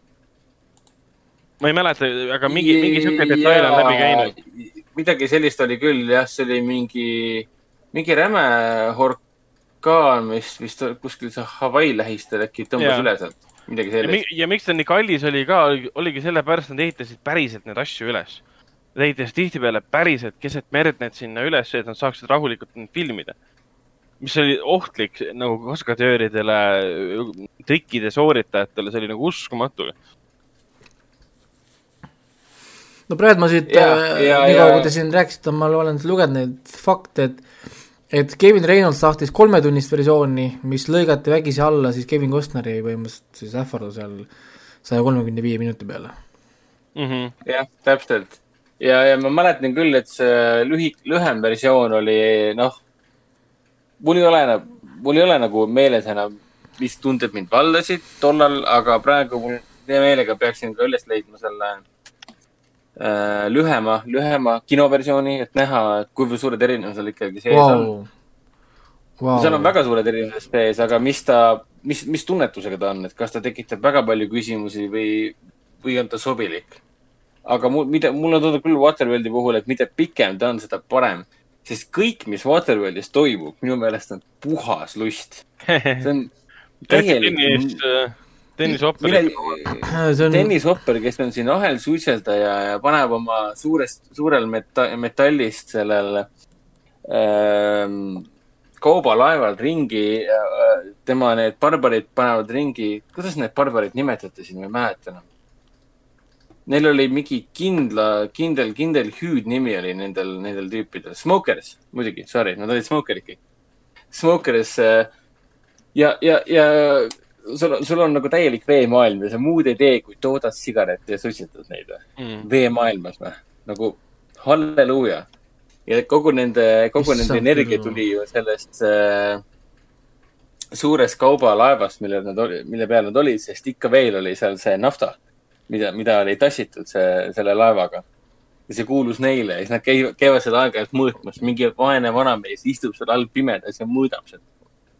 Ja siis see Tõnis Hopper ka väike suvaliselt mingi, palju meil siis alles on? ahah, selge, et me kolm korda saame veel tankida või? paneb suitsu põlema mingi, no selge pilt, me peame siis kiirustama, kuiva, kui, kui, kuiv maa üles leida. siis lihtsalt flipib selle koni täpselt sinna augu suunas, kus kohas see vana, vaene vanamees on, siis rahvas, teised smoked lähevad mingi, issand jumal, püüdis selle koni kohe kinni. ja siis Tõnis Hopper mingi, ha, meid ju twitch läks minema. siukene nihilistlik ja siukene, siukene kohmakas ja räpakas ja siukene kelmõses nagu täiesti totter värk kohati. see on nii Aga- kummaline võimas Hollywoodi film selle koha pealt, et Dennis Hopper ise oli nagu võimas autor Hollywoodis, nii näitlejana David Lynch'i filmides, kuigi ise lavastas filme ka ju see äh, tõeline USA äh, kinomaastiku muutja, see noh, Easy Rider ja, ja ta hiljem, mis ta tegi Robert Duvali ja Sean Penniga, mis ma rääkisin ka siin. kana teeb Color Purple? ei ei, The Colors. Kol-, lihtsalt Colors jah, ei Color mis see Color Purple oli siis? Color Purple on midagi hoopis, hoopis muud miks sa naerad? kas see oli mingi väga imelik asi, mida mainida või? uh,. ma kohe ütlen täpsemalt sulle, Color Purple um,. Color uh,, Color Purple on uh, film aastast äh, kaheksakümmend viis, mille lavastas äh, Steven Spielberg. see põhineb äh, Pulitzeri võitnud äh, romaanil, Alice Walkeri romaanil. See oli siis, ja see on, see on Danny Glover ja Whoopi Goldberg mängisid peaosa. okei, Äh, ja see räägib siis, räägib siis ähm, ähm, äh, mustanahaliste naiste äh, probleemidest kahekümnenda sajandi alguses. et selles mõttes oli see veider. okei, selge pilt. kuulge Aga-, nii kaua kui te siin olete rääkinud, ma olen lugenud siis äh, hunnik äh, fakte nüüd selle Waterworldi kohta siin. nii, lihtsalt jäin lugema, sest siin on nii palju huvitavaid asju selle kohta. ja ei, võibki jääda lugema selles suhtes, siin aga, aga äh, põhiliselt, noh, mis mul hakkas silma, on ju, oli see, et Kevin Costner maksis ise kakskümmend kaks miljonit enda raha siia filmi. uh. -huh. Uh, see oli kohe, mis siit jäi silma, teine oli see, et uh, et see set, mida nad ehitasid uh,, kasutas ära kõik terase, mis oli Hawaii'l olemas. Nad pidid hakkama eraldi sisse tooma Californiast terast, et seda valmis üldse, üldse ehitada, neil ei olnudki enam uh, võtta nagu sealt. täiesti uskumatu. ja, ja nad siis äh, see, kogu see pro-, protseduur lõpuks teenis Hawaii'l kolmkümmend viis miljonit dollarit, on ju, noh, et see filmiti seal. teiseks äh,, produtsendid tegid suure vea, nad valisid Hawaii, neil oli valida Hawaii ja Austraalia vahel nagu, aga keegi mainis, et umbes noh, suvel on Austraalias on talv, et ärme sinna lähe, lähme nagu Hawaii'le, nad läksid Hawaii'le ilma tegelikult äh, kodutööd tegemata, oleks nad natukenegi lugenud või kodutööd vaadanud, siis äh, talv Austraalias on kakskümmend viis kraadi iga päev sooja ja väga rahulik aeg. nagu mere mm, -hmm. nagu merede peal. erinevalt Hawaii'st, kus on nelikümmend viis miili tunnis tuuled, väga tavalised, pluss äh, orkaanid ehk siis äh, neil käis kolm orkaani üle ja kord nädalas vähemalt tuured lükkasid kogu seti lihtsalt paigast ära, näeb, neil, neil läks mingi päev-kaks aega, et ennast uuesti äh, reset ida, et äh, et tore, tore valik, tore, tore valik oli neil seal, et et nad nagu kistid ennast täiesti pooleks. aga vähemalt minu silmis sa võid lugeda küll lõputult selle kohta, mis napakaid asju selle filmi jooksul nagu mm., filmi tegemise jooksul nagu korda saanud. ja ei, ma soovitan lugeda film..., lugeda inimestel, siin on täiesti vapustavaid äh, asju ja numbreid, pilte, kui aga, milline aga, see set oli, kui suur see oli. filmi enda vaatamine mõjub umbes niimoodi, nagu sa vaataksid tänapäeval seda Mad Max Fury Road'i. ta on mm. lihtsalt sõge, napakas, nagu tohutu niisugune energiline ja täiesti crazy asi, mida sa vaatad ja selliseid filme ei tehta enam, samamoodi nagu öeldi Fury Roadiga, et selliseid filme ei tehta enam, siis samamoodi võib öelda Waterworldi kohta, et issand, selliseid filme ei tehta enam. selliseid, kui tehaksegi, siis keegi ei lähe kinno vaatama, sest noh, mis mõttes, mis, mis veemaailm, kas see on mingi Marveli koomik? kusjuures ei ole Marveli koomik, mine vaata originaalset filmi. kusjuures siin on veel tänapäeval, kui tuleks Waterworld, see on hoopis teine teema, jah siin on kirjas, et kui, kui nad oleks, kui nad oleks, kui nad oleks orkaanidega õigesti arvestanud, filmi eelarve oleks olnud alla seitsmekümne miljoni dollari Jesus fuck wow.. aga, aga nad ja neil oli lõpuks aga nad on tänaseks sada seitsekümmend viis oli neil kokku. Nad on tänaseks teeninud kaheksa miljonit dollarit kasumit, nii et kuidagi. Äh, ja see oli üheksakümne viienda aasta kohta üks kõige suurimaid production äh, oligi kõige suurem, oligi kõige suurem kuni Titanicuni. aga see film vist ise ei viinud ühtegi stuudiot pankrotini või viis? ei, minu teada mitte et see, mis see oli, Gina Davise see. Cutthroat Island. noh, see viis Karolko Picturesi sõna otseses mõttes pankrotti. Karolko Pictures, mis tootis mingi legendaarseid, mingi Schwarzeneggeri ja mingi Stallone filme põhimõtteliselt. ja, ja see oli samal aastal tuli välja ka mm.. Äh, USA-s tuli detsembris, oota, Piraadifilm tuli detsembris välja või? okei okay, siis. ja Waterworld tuli ikka suvel välja, eks, juuli kakskümmend kaheksa, jah et noh, oli ikka kohe. nii. mis aasta omad oli nüüd? mõlemad on üheksakümmend viis. okei ja Waterworldi vaadates kohati on niisugune tunne ka, et nagu vaataks Gore äh, Verbinski seda esimest äh, Karim Vene piraate. et see mm, erinev, set-piece'ide ringi jooksmine, ringi lendamine, põgenemine, tulistamine, sukeldumine, mis iganes veel minu meelest see koreograafia mõttes ja, ja kuidas see set-piece'id on üles ehitatud, tohutult palju vaeva nähtud. ja see kõik ka üles filmitud niimoodi, et see, see on nagu tõesti sense of adventure on sees. kohati sihuke tunne, et mingi, huvitav, kas Korv Pinski on väga suur Waterworldi fänn mm.. et mis siin toimub tegelikult nagu.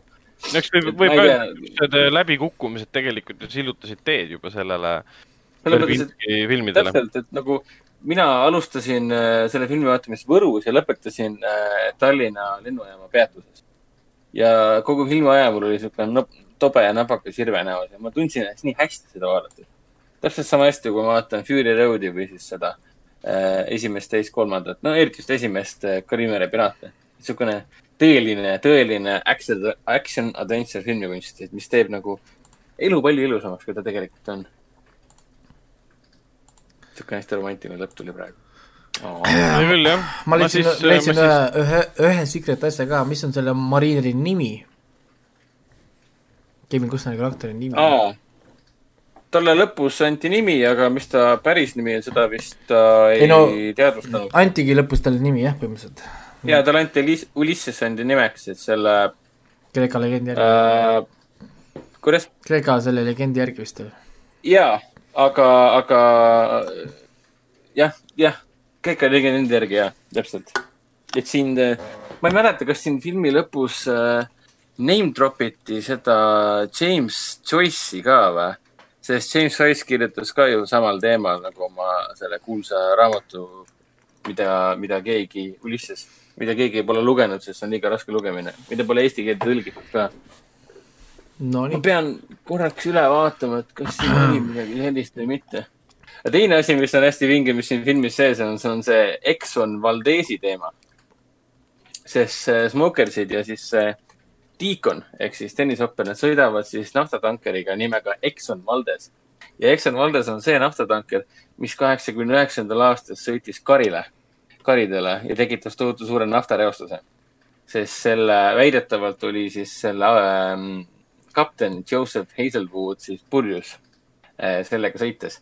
hiljem muidugi ta tunnistati süütuks, mis puudutab äh, purjus olemist mm. -hmm. aga, aga siin filmis nad kummardavad Joseph Hazelwoodi. Neil on nagu, nimetavad teda Saint Jokes ja siis nende laeva äh,, laevas on ka nagu, kapteni ruumis on ka pilt temast ja kus ta vaatab tema poole, suitsetab ja ütleb, et this is, this is for you, Saint Joe ja siis ma olin nagu mõtlesin, et kes see Saint Joe on, siis ma jätsin freeze frame siis nii, Joseph Hazelwood. Ja siis vaatan, et reaalselt nad on siia sisse kirjutanud siukse nalja, kaheksakümne üheksandast aastast pärit nalja, mis puudutab kuradi naftareostust. Siis ma sain aru, et kurat, see film on geniaalne, et et Tõnis, maailmakuulus näitleja Tõnis Vapper on ühe silmaga ja suitsetab kuradi naftatankeri põhja lastud tüübi juures ja tunneb ennast nagu nii hästi ja nii naljakalt. täiesti, mõtle nagu George Miller oleks filmi teinud. Jah. no nii, aga, aga, aga lähme edasi, rääkige oma järgmistest asjadest, sest teil on siin omajagu veel rääkida, et. ma tahtsin, tahtsin lihtsalt mainida, et Kevin Reynolds tegelikult siin tegi ju Kevin Costner tegi selle Robin Hood Prince of Thieves'i ka mm. -hmm. ja Reynolds viimati lavastas siis selle Risen'i mis on aastast äh, kaks tuhat kuusteist pärit film Joseph äh, Fienziga. Äh, see räägib siis sellest, kuidas Rooma sõdur ähm, ähm, pärast seda, kui Jeesus, Jeesus Kristus on ristilt maha võetud ja siis maha maetud, hakkab siis helitama neid jüngreid ja näeb pealt, kuidas Jeesus tõuseb Äh, hästi kummaline film pidi olema. aga ma tahan seda vaadata. miks sa teed siukse filmi, okei okay. Nii, aga mina vaatasin siis äh, The Trial of Chicago Seveni ära. Äh, enamjaolt ma ütlen täpselt samu asju, mida Raiko ütles selle kohta. Mm, ta oli väga sorkinlik, ta oli väga suurepärasete näitlejatega, eriti siin Baron Cohen ja, ja Frank, Frank Langella ja siin Eddie Redmayne ja Mark Rylance eriti mulle meeldis äh,. äh Rylance, kes siis äh, pälvis maailma tähelepanu siis Spielbergi selle Bridge of Spice'iga ja hiljem oma väikse rolli eest siis ka Dunkirkis ja siis siin see Spielbergi see BFG oli ka.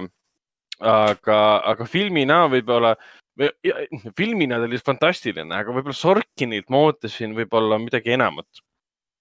et Molli mänguga võrreldes oli pigem. ei nagu nagu Sorkin on vähe filme lavastanud, nii ilmselgelt, noh, see juba mängib rolli selle koha pealt, et ongi ühe filmi lavastanud, milleks on äh, Molli mäng ja see oli siis tema uus film.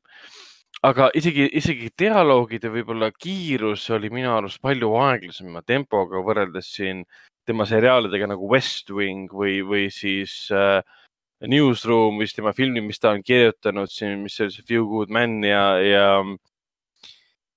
social network, et kuidagi mingi, mingisugune tempo oli hoopis teistsugune ma tajusin seda igas olukorras, igas stseenis, kus tegelased omavahel tegelikult nagu spitball isid teksti kogu aeg, käisid siuksed märkused läbi üksteise pihta, tulid selle juurde hiljem tagasi.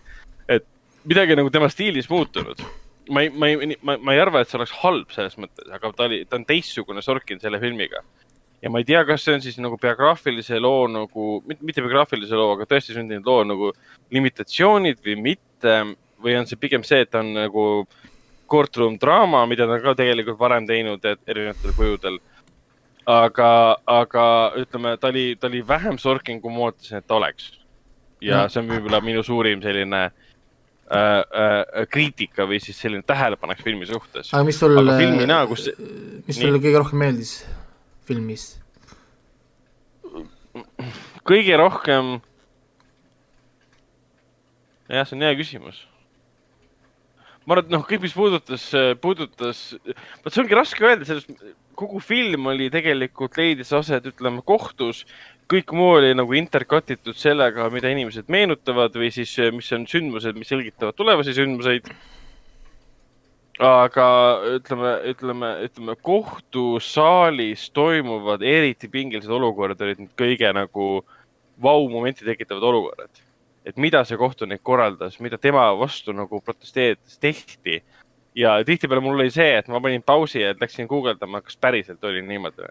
see kohtunik ajas päriselt..., aja, ajas närvi no ta ajas tõesti ja ta oli nii hästi kirjutatud, see näitleja mängis, et ma vihkasin teda südamest ma tõesti nagu, mul tekkis, tekkis füüsiline viha tema vastu ja see on nagu hea märk sellest, et mida sa oled nagu teinud selle karakteri ja selle lavastusega. ja, ja ma pidin jah guugeldama, et kas tõesti mingi inimesega te,, inimestega tehti niimoodi seal kohtusaalis, et see on ju täiesti uskumatu. Mm, ja, ja minu, minu lemmik sequence oli see, kus kohas see Eddie Redmayni karakter, mis ta oli, mingi Tom, ma ei mäleta juba enam, Hailey mm. -hmm. temaga äh, tahab istuda sinna tunnistaja pinki, siis nad õhtul harjutavad selle oma advokaadiga ja siis ta võtab selle kasseti välja, mis neil on tema vastu. Et terve see Ah, terve jah. see sequence kuni sinna lõpuni välja, kus ta lõpuks ütleb, et aga pane hoopis yeah. Sasha Baron Cohen äh, pinki ja, see oli minu arust see- see... väga, väga hästi tehtud, kogu, kogu prots-, nagu kogu see sequence oli nii awesome. ja, sest see suurepäraselt nagu näitas seda, et kuidas võivad sündmused areneda ja kuidas inimesed näevad erinevaid sündmusi teatud kontekstis või teatud suunas või teatud nurgast. Ja mulle nii meeldis see lause, mis ta ütles, kui ta, kui ta ütles välja selle, et eh, las veri voolab tänavatel. ja siis kõik võtsid seda ühtemoodi, issand jumal, sa kutsud üles vägivallale. Jah. mis mingi, ja siis pärast oli see jah, ja siis ta mõtles, aga ta ütles ju our blood. jaa, meie veri ja see tõmbas nagu külmavärina korraks peale. jah, tegelikult ta mõtles ju seda, aga mida siis Baron Coheni karakter talle enne seda oli just rääkinud, et sul on rõhud ja sa kasutad vale, valesid sõnu tihtipeale oma mõtte selgitamiseks, inimesed saavadki sinust valesti siis aru ta. oli muidugi üllatunud, et, et see hipi, see mõttetu hipi tegelikult äh, teab väga palju ja on lugenud ja tegelikult on mm -hmm. väga, väga, väga kursis kõikide asjadega. jah, jah, et ta oli tüüpiline karakter esialgu mängitud, niisugune labane loll, kes lihtsalt äh, joob, magab ja on, kuulab muusikat. tegelikult on väga haritud inimene, kes lihtsalt keeldub olemas öö, osa siis normaalsusest nii-öelda. Et väga, ei, väga lõbus meelelahutuslik, meelelahutuslik selle koha pealt, et ta on paratamatult, olgugi et ta on tõsiselt teemal, ta oli meelelahutuslik, sest see, kuidas Sorkin kirjutab neid karaktereid juba äh, on, on, noh, on naljakas selle koha. aga mismoodi sul siis selle äh, Hoff, Hoffmanni või siis selle Bohan, Bohan jah, Kohan Baron Coheni. Parem ta oli tobe, tobe nimi. Sasha karakteri arg meeldis. jah, see võib-olla tõmbas veits, veits tõmbas eriti kurvaks, kui ma see lõpu seda, ja teksti nägid ju, jah, ja, ja, et see nagu veits muutis natuke, no muutis täielikult seda, kuidas ma teda filmi jooksul enda jaoks nagu kujundasin. sest ilmselgelt ta ei, see film ei jõuagi kõiki neid karaktereid nagu lõpuni välja avada. mis on ilmselge, sest nii palju tegelasi seal korraga tegelikult ekraanil ja nii palju osapooli on vaja ära näidata ja selgitada ja lõpuks see fookus ei olnud ikkagi tegelastel otseselt, vaid sellel sündmusel endal, mida nad ise ka korraldasid tegelikult. ja, ja aga see ark oli jah, selles mõttes, et ta algas nagu lihtsalt tüüpiline Baron Coheni tema, tema, tema ise Ehk nagu et ta põhimõtteliselt tema oleks nagu ise jah, nagu. täpselt. ja siis ta läks ümber karakteriks, mis oli väga huvitav, siis ta läks veel edasi ja siis sa vaatad, ahah, ahah, selge, selge, selge. Ehk siis, noh, mulle film väga meeldis, ärge saage üldse valesti aru. lihtsalt võib-olla Sorkini puhul ma midagi ootasin nagu sellist, mingit ots- ootasin nagu veel, aga seda nagu ei tulnud. aga see on pigem tähelepanek kui, kui otseselt nagu kriitika äh,. vot, ja siis ma vaatasin ära veel kaks filmi ähm, tähendab kolm tegelikult, siis äh, ühe, ühe, üks nendest on Time, mis mulle üldse ei meeldinud. Time on Amazon Prime videos olemas. see on dokumentaalfilm äh, Fox äh, ja Rob Richist. Fox Rich on siis ja Rob Rich on siis ähm, äh, mees ja naine, kes on abielupaar üheksakümnendatel, nad röövisid äh, panka äh,. naine sai mingi kuus aastat vangistust äh, ja mees miskipärast sai kuuskümmend aastat ilma ühegi võimaluseta varem äh, vabaks pääseda. see kipub olema Ja jah niimoodi seal Ameerika kohtusüsteemis eriti. täiesti pöörane ja tuligi välja, et põhjus vist oli selles, et äh, kui naine ütles, et tunnistas ennast süüdi, sai kuus aastat. mees ütles, et tunnistab ennast süüdi, aga tal, tal oli see, et ta viidi nagu he went to trial või midagi laadset, ta läks, kuna film ise otseselt ei keskendu asjaoludele, siis mul oli väga raske kohati aru saada, milles see seisnes ja siis, kuna dokumentaalfilm on, koosneb siis koduvideotest, selle tema naise siis enda lavastatud ja kokku pandud videotest, lavastatud selle koha pealt, et äh, fi- filmil on omaenda režissöör küll, aga režissööri töö enamjaolt on ikkagi olnud kokku panna olemasolev materjal, mitte nagu väga palju ise lavastada. ja lugu tegelikult ei ole sellest vangistusest, lugu ei ole sellest detailidest, miks ta niimoodi vangi panni. lugu lihtsalt sellest, mis viis selleni ja sellest, kuidas ta oma sealt, mis on, nelja või viite last kasvatab. Ja kuidas ta elu on täiesti ümber muutunud tänu sellele, et ta on kakskümmend aastat, vist kakskümmend üks aastat pidi see aega, et mees vanglast välja pääseks. ja ta tuli, tuligi välja, et midagi taolist väga ebaõiglastel, aga seaduslikel alustel oli ta nii pikaks kinni pandud. kuigi seaduse järgi tegelikult ei peaks panema nii kauaks kinni, aga lihtsalt kuna kasutati mingit aspekti ära, siis tegelikult oli kõik seaduslik inimene panna kuuekümne aastast kinni. kuigi see pangarööv kui selline aset ei leidnud, nad planeerisid seda, nad ei jõudnud selleni, nad võeti kinni. mis on eriti naeruväärne, et see peaks, see, see ei peaks ju olema kuuskümmend aastat kinni siukse asja eest. sa küll planeerisid seda, aga inimesi, sa ei ähvardanud relvaga, te ei, te ei tulistanud kedagi, noh, see jäi nagu ära, et see oli hästi kummaline. ja seda tragöödiat nii-öelda, kuidas üksik ema siis kasvatab oma last ja teda nimetatakse seal siukseks perekonna patriarhiks või matriarhiks nii-öelda ja ta on, ta on motivational speaker nagu oma kogukonnas. ja alguses mul oli väga suur vastumeelsus kogu sellele dokfilmile, sest seda on igal pool kiidetud, ma hakkasin seda vaatama, ma ei saanud sellest võlust aru. oota, mida? Te röövisite, kuna alguses oli kõik üldsõnaline, me röövisime panka. ja, ja ongi niimoodi, et ah, me röövisime panka ja nüüd te olete siis nagu hämmastunud, et te kinni pandi, teid, teid pandi kinni, pidite maksma oma kuritegude eest ja siis ma pean nagu kaasa tundma naisele, kes on vihane USA süsteemi peale, et tema mees on kinni pangaröövi eest. alguses mul oli tunne, et nagu ise te tegite siuksed valikud.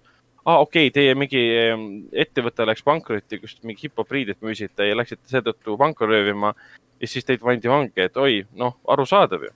ja siis hiljem hakkavad lahti kooruma nagu põhjused, noh, põhjused ma sain aru sa tegid ikkagi oma valiku, sa läksid panka röövima, aga siis tuli välja, et panka tegelikult ei röövitud.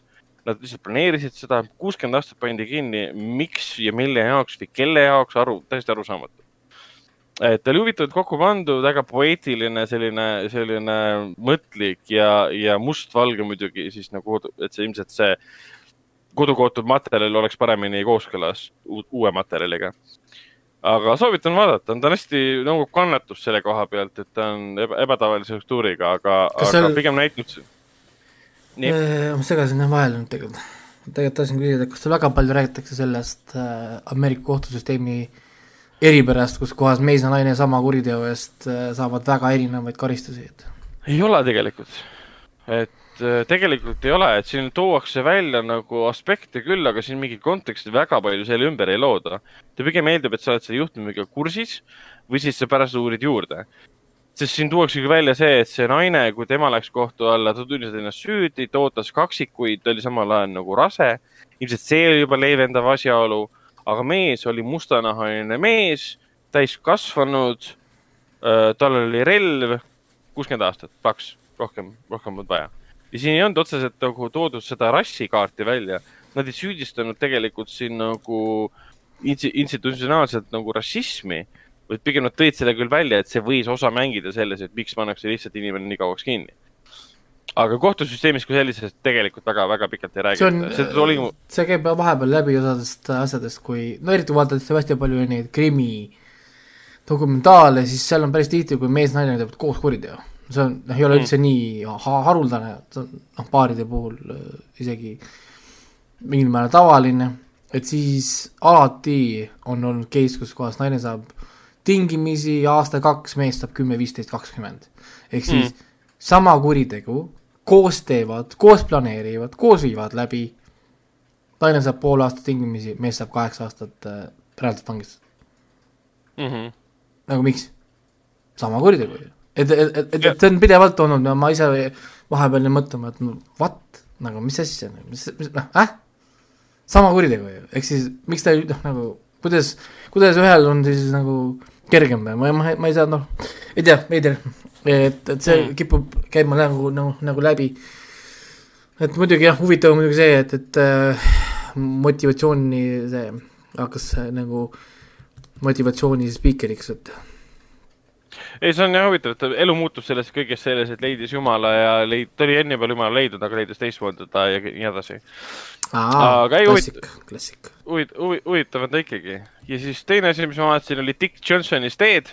sellest ma tahan võimalikult vähe rääkida, see on ma, olemas. ma vaatasin seda ära. pool tundi, ei, ma vaatasin seda, jõudsin pool tundi Aa. vaadata. ma nägin selle kontsepti ära ja selle alguse, kus nad hakkavad seda planeerima.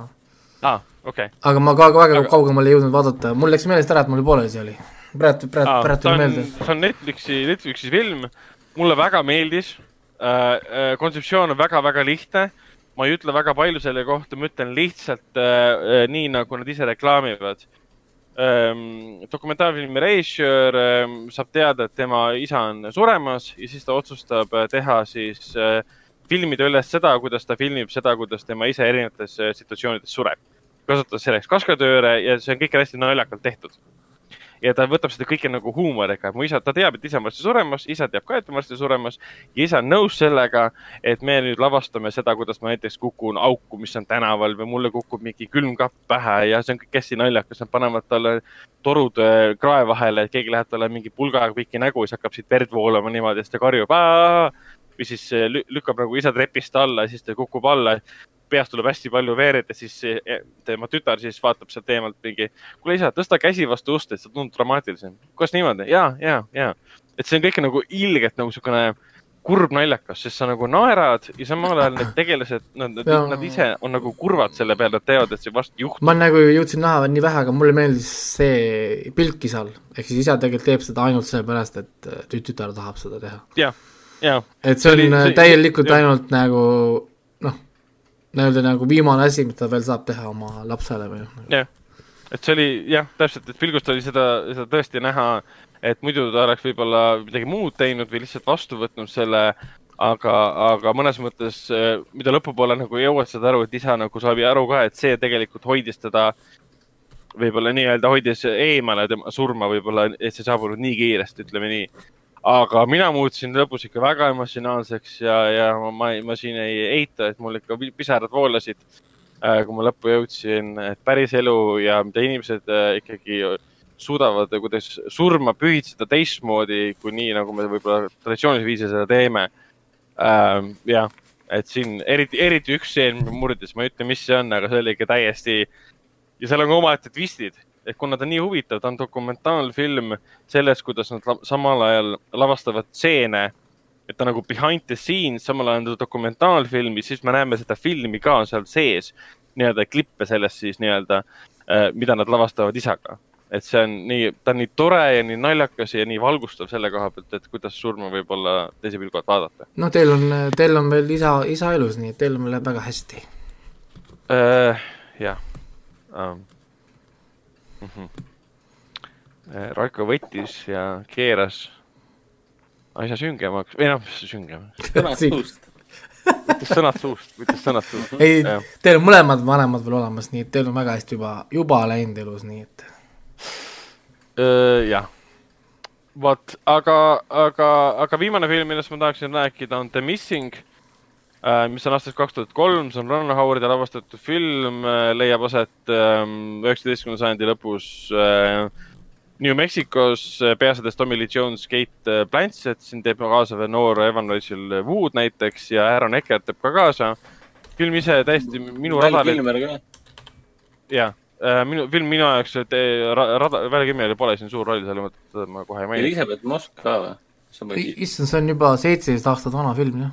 ja, ja minu arust see film äh, täiesti nagu radarilt mööda läinud, ma ei mäleta, et üldse välja tuli. Ja võimalik põhjus võis olla ka selles, et ta tuli samal aastal välja, kui tuli välja Anthony mingi, mingi, mingi Ella äh,, Cold Mountain, mis siin võitis äh, ühe Oscari Selvegerile, kandideeris kokku üks, kaks, kolm, neli, viis, kuus, seitse, seitsmele Oscarile. Äh,. ja, ja see võib-olla haaras selle nagu selle Thunderi nii-öelda ära sest kui, kui mingi Hella film Gold Mountain on niisugune eepiline sweeping emotional sõja äh, ja siis kodusõjaaegne film, siis The Missing on nagu mõlemad segu, mõlema segu. ta kohati meenutab seda, seda Scott Cooperi kahe tuhande seitsmeteistkümnenda aasta filmi Hostiles ehk siis ta on sama mm. -hmm. brutaalne, ta on sama vastik et kui sa elad üheksakümnenda sajandi lõpus kuskil New Mexico pärapõrgus ja, ja kui sinu tütre röövivad hullumeelsed, hullumeelsed ähm, i- indiaanlased, kes on just põgenenud äh, ameeriklaste sellest sõjaväeosakonnast pärast seda, kui nende üks Eh, kolonistid pealik.. jah, pealik nagu hukatakse, siis hakkavad valgeid lapsi, naisi röövima, et nad Mehhikosse viia ja seal maha müüa. ja, ja mida siis ema on võimeline tegema, et see tütar kätte saada, võtab appi siis Tommy Lee Jones'i karakteri, ma ei ütle tema kohta, mis, kes ta tegelikult nagu on. Tommy Lee Jones mängib siin nagu nii-öelda nagu indiaanlast, aga ta ei mängi päris indiaanlast, ta mängib meest, kes on indiaanlasena üles kasvanud. Ja ta kohati on nagu hostile stiilis ülimalt brutaalne ja vastik, mida siin inimeste kehadega tehakse ja ta on niisugune külm ja kalk ja mõnes mõttes ühel hetkel ta muutub nagu sellises sõrmuste isanda stiilis eepiliseks, kus kaamera sõidab ülikõrgelt kuskilt taevast, me näeme, kuidas hobused tõttavad ja eepiline muusika on taustal. no James Horneri muusika, no sa ei saa, sa ei saa mitte eepiline olla. ja ta on ülipikk, Vau. ta on, ta on sada kolmkümmend seitse minutit pikk ja mina nautisin igat minutit, ta näeb, ta näeb ikka vapustav lühem kui välja. veemaailm. ja, ja seda küll. ta näeb, ta näeb vapustavalt ilus välja ähm,. Ähm, Kate Blanchett on vapustav omakorda. Tommy Lee Jones mulle alati näitlejana meeldinud, siin ta teeb jälle väga siukse meeldejääva rolli. Aaron Eckhartil on lühike roll võib-olla. hämma-, hämmastavalt Jah. Howard tegi selle filmi nagu paar aastat pärast Beautiful Mind'i. Ja ta kasutas siin päris äh, Apache siis, Apache või kuidas sa hääldad neid äh, indiaanlaste keelt.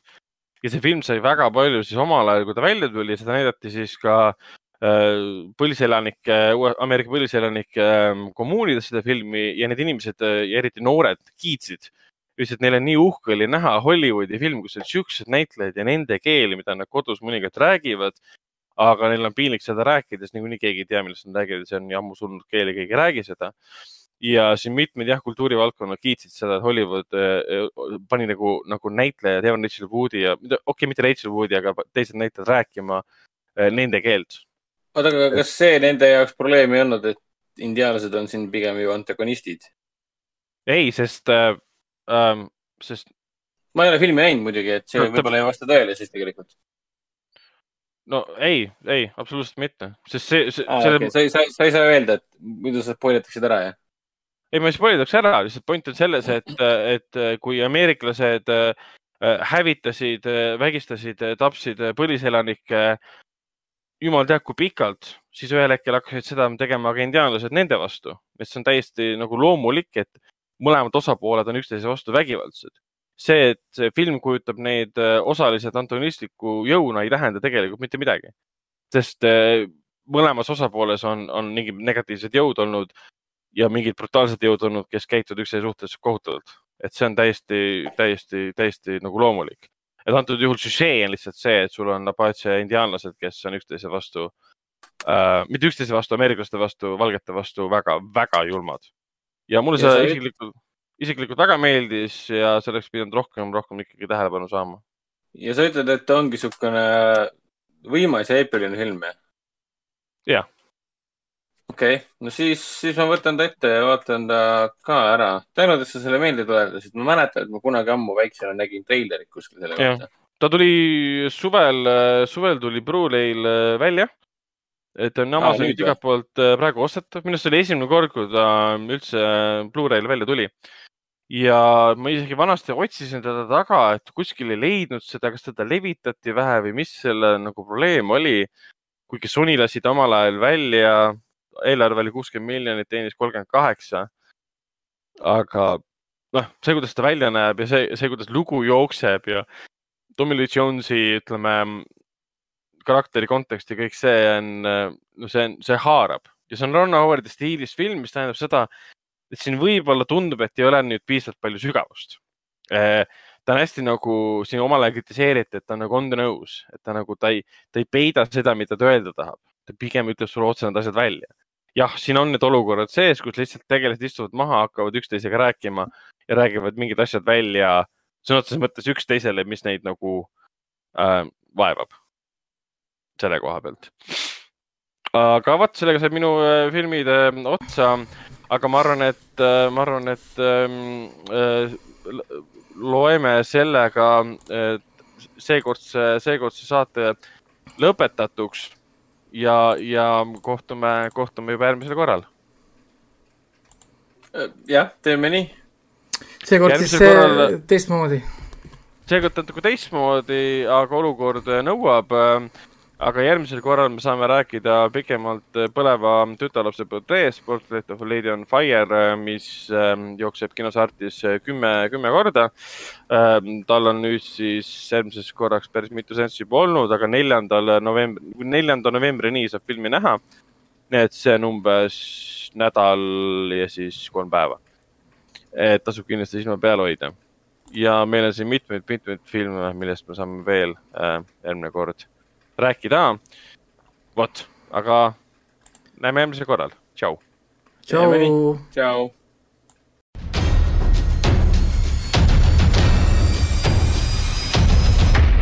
kinoveebi Jututuba podcasti toob teieni Foorum Cinemas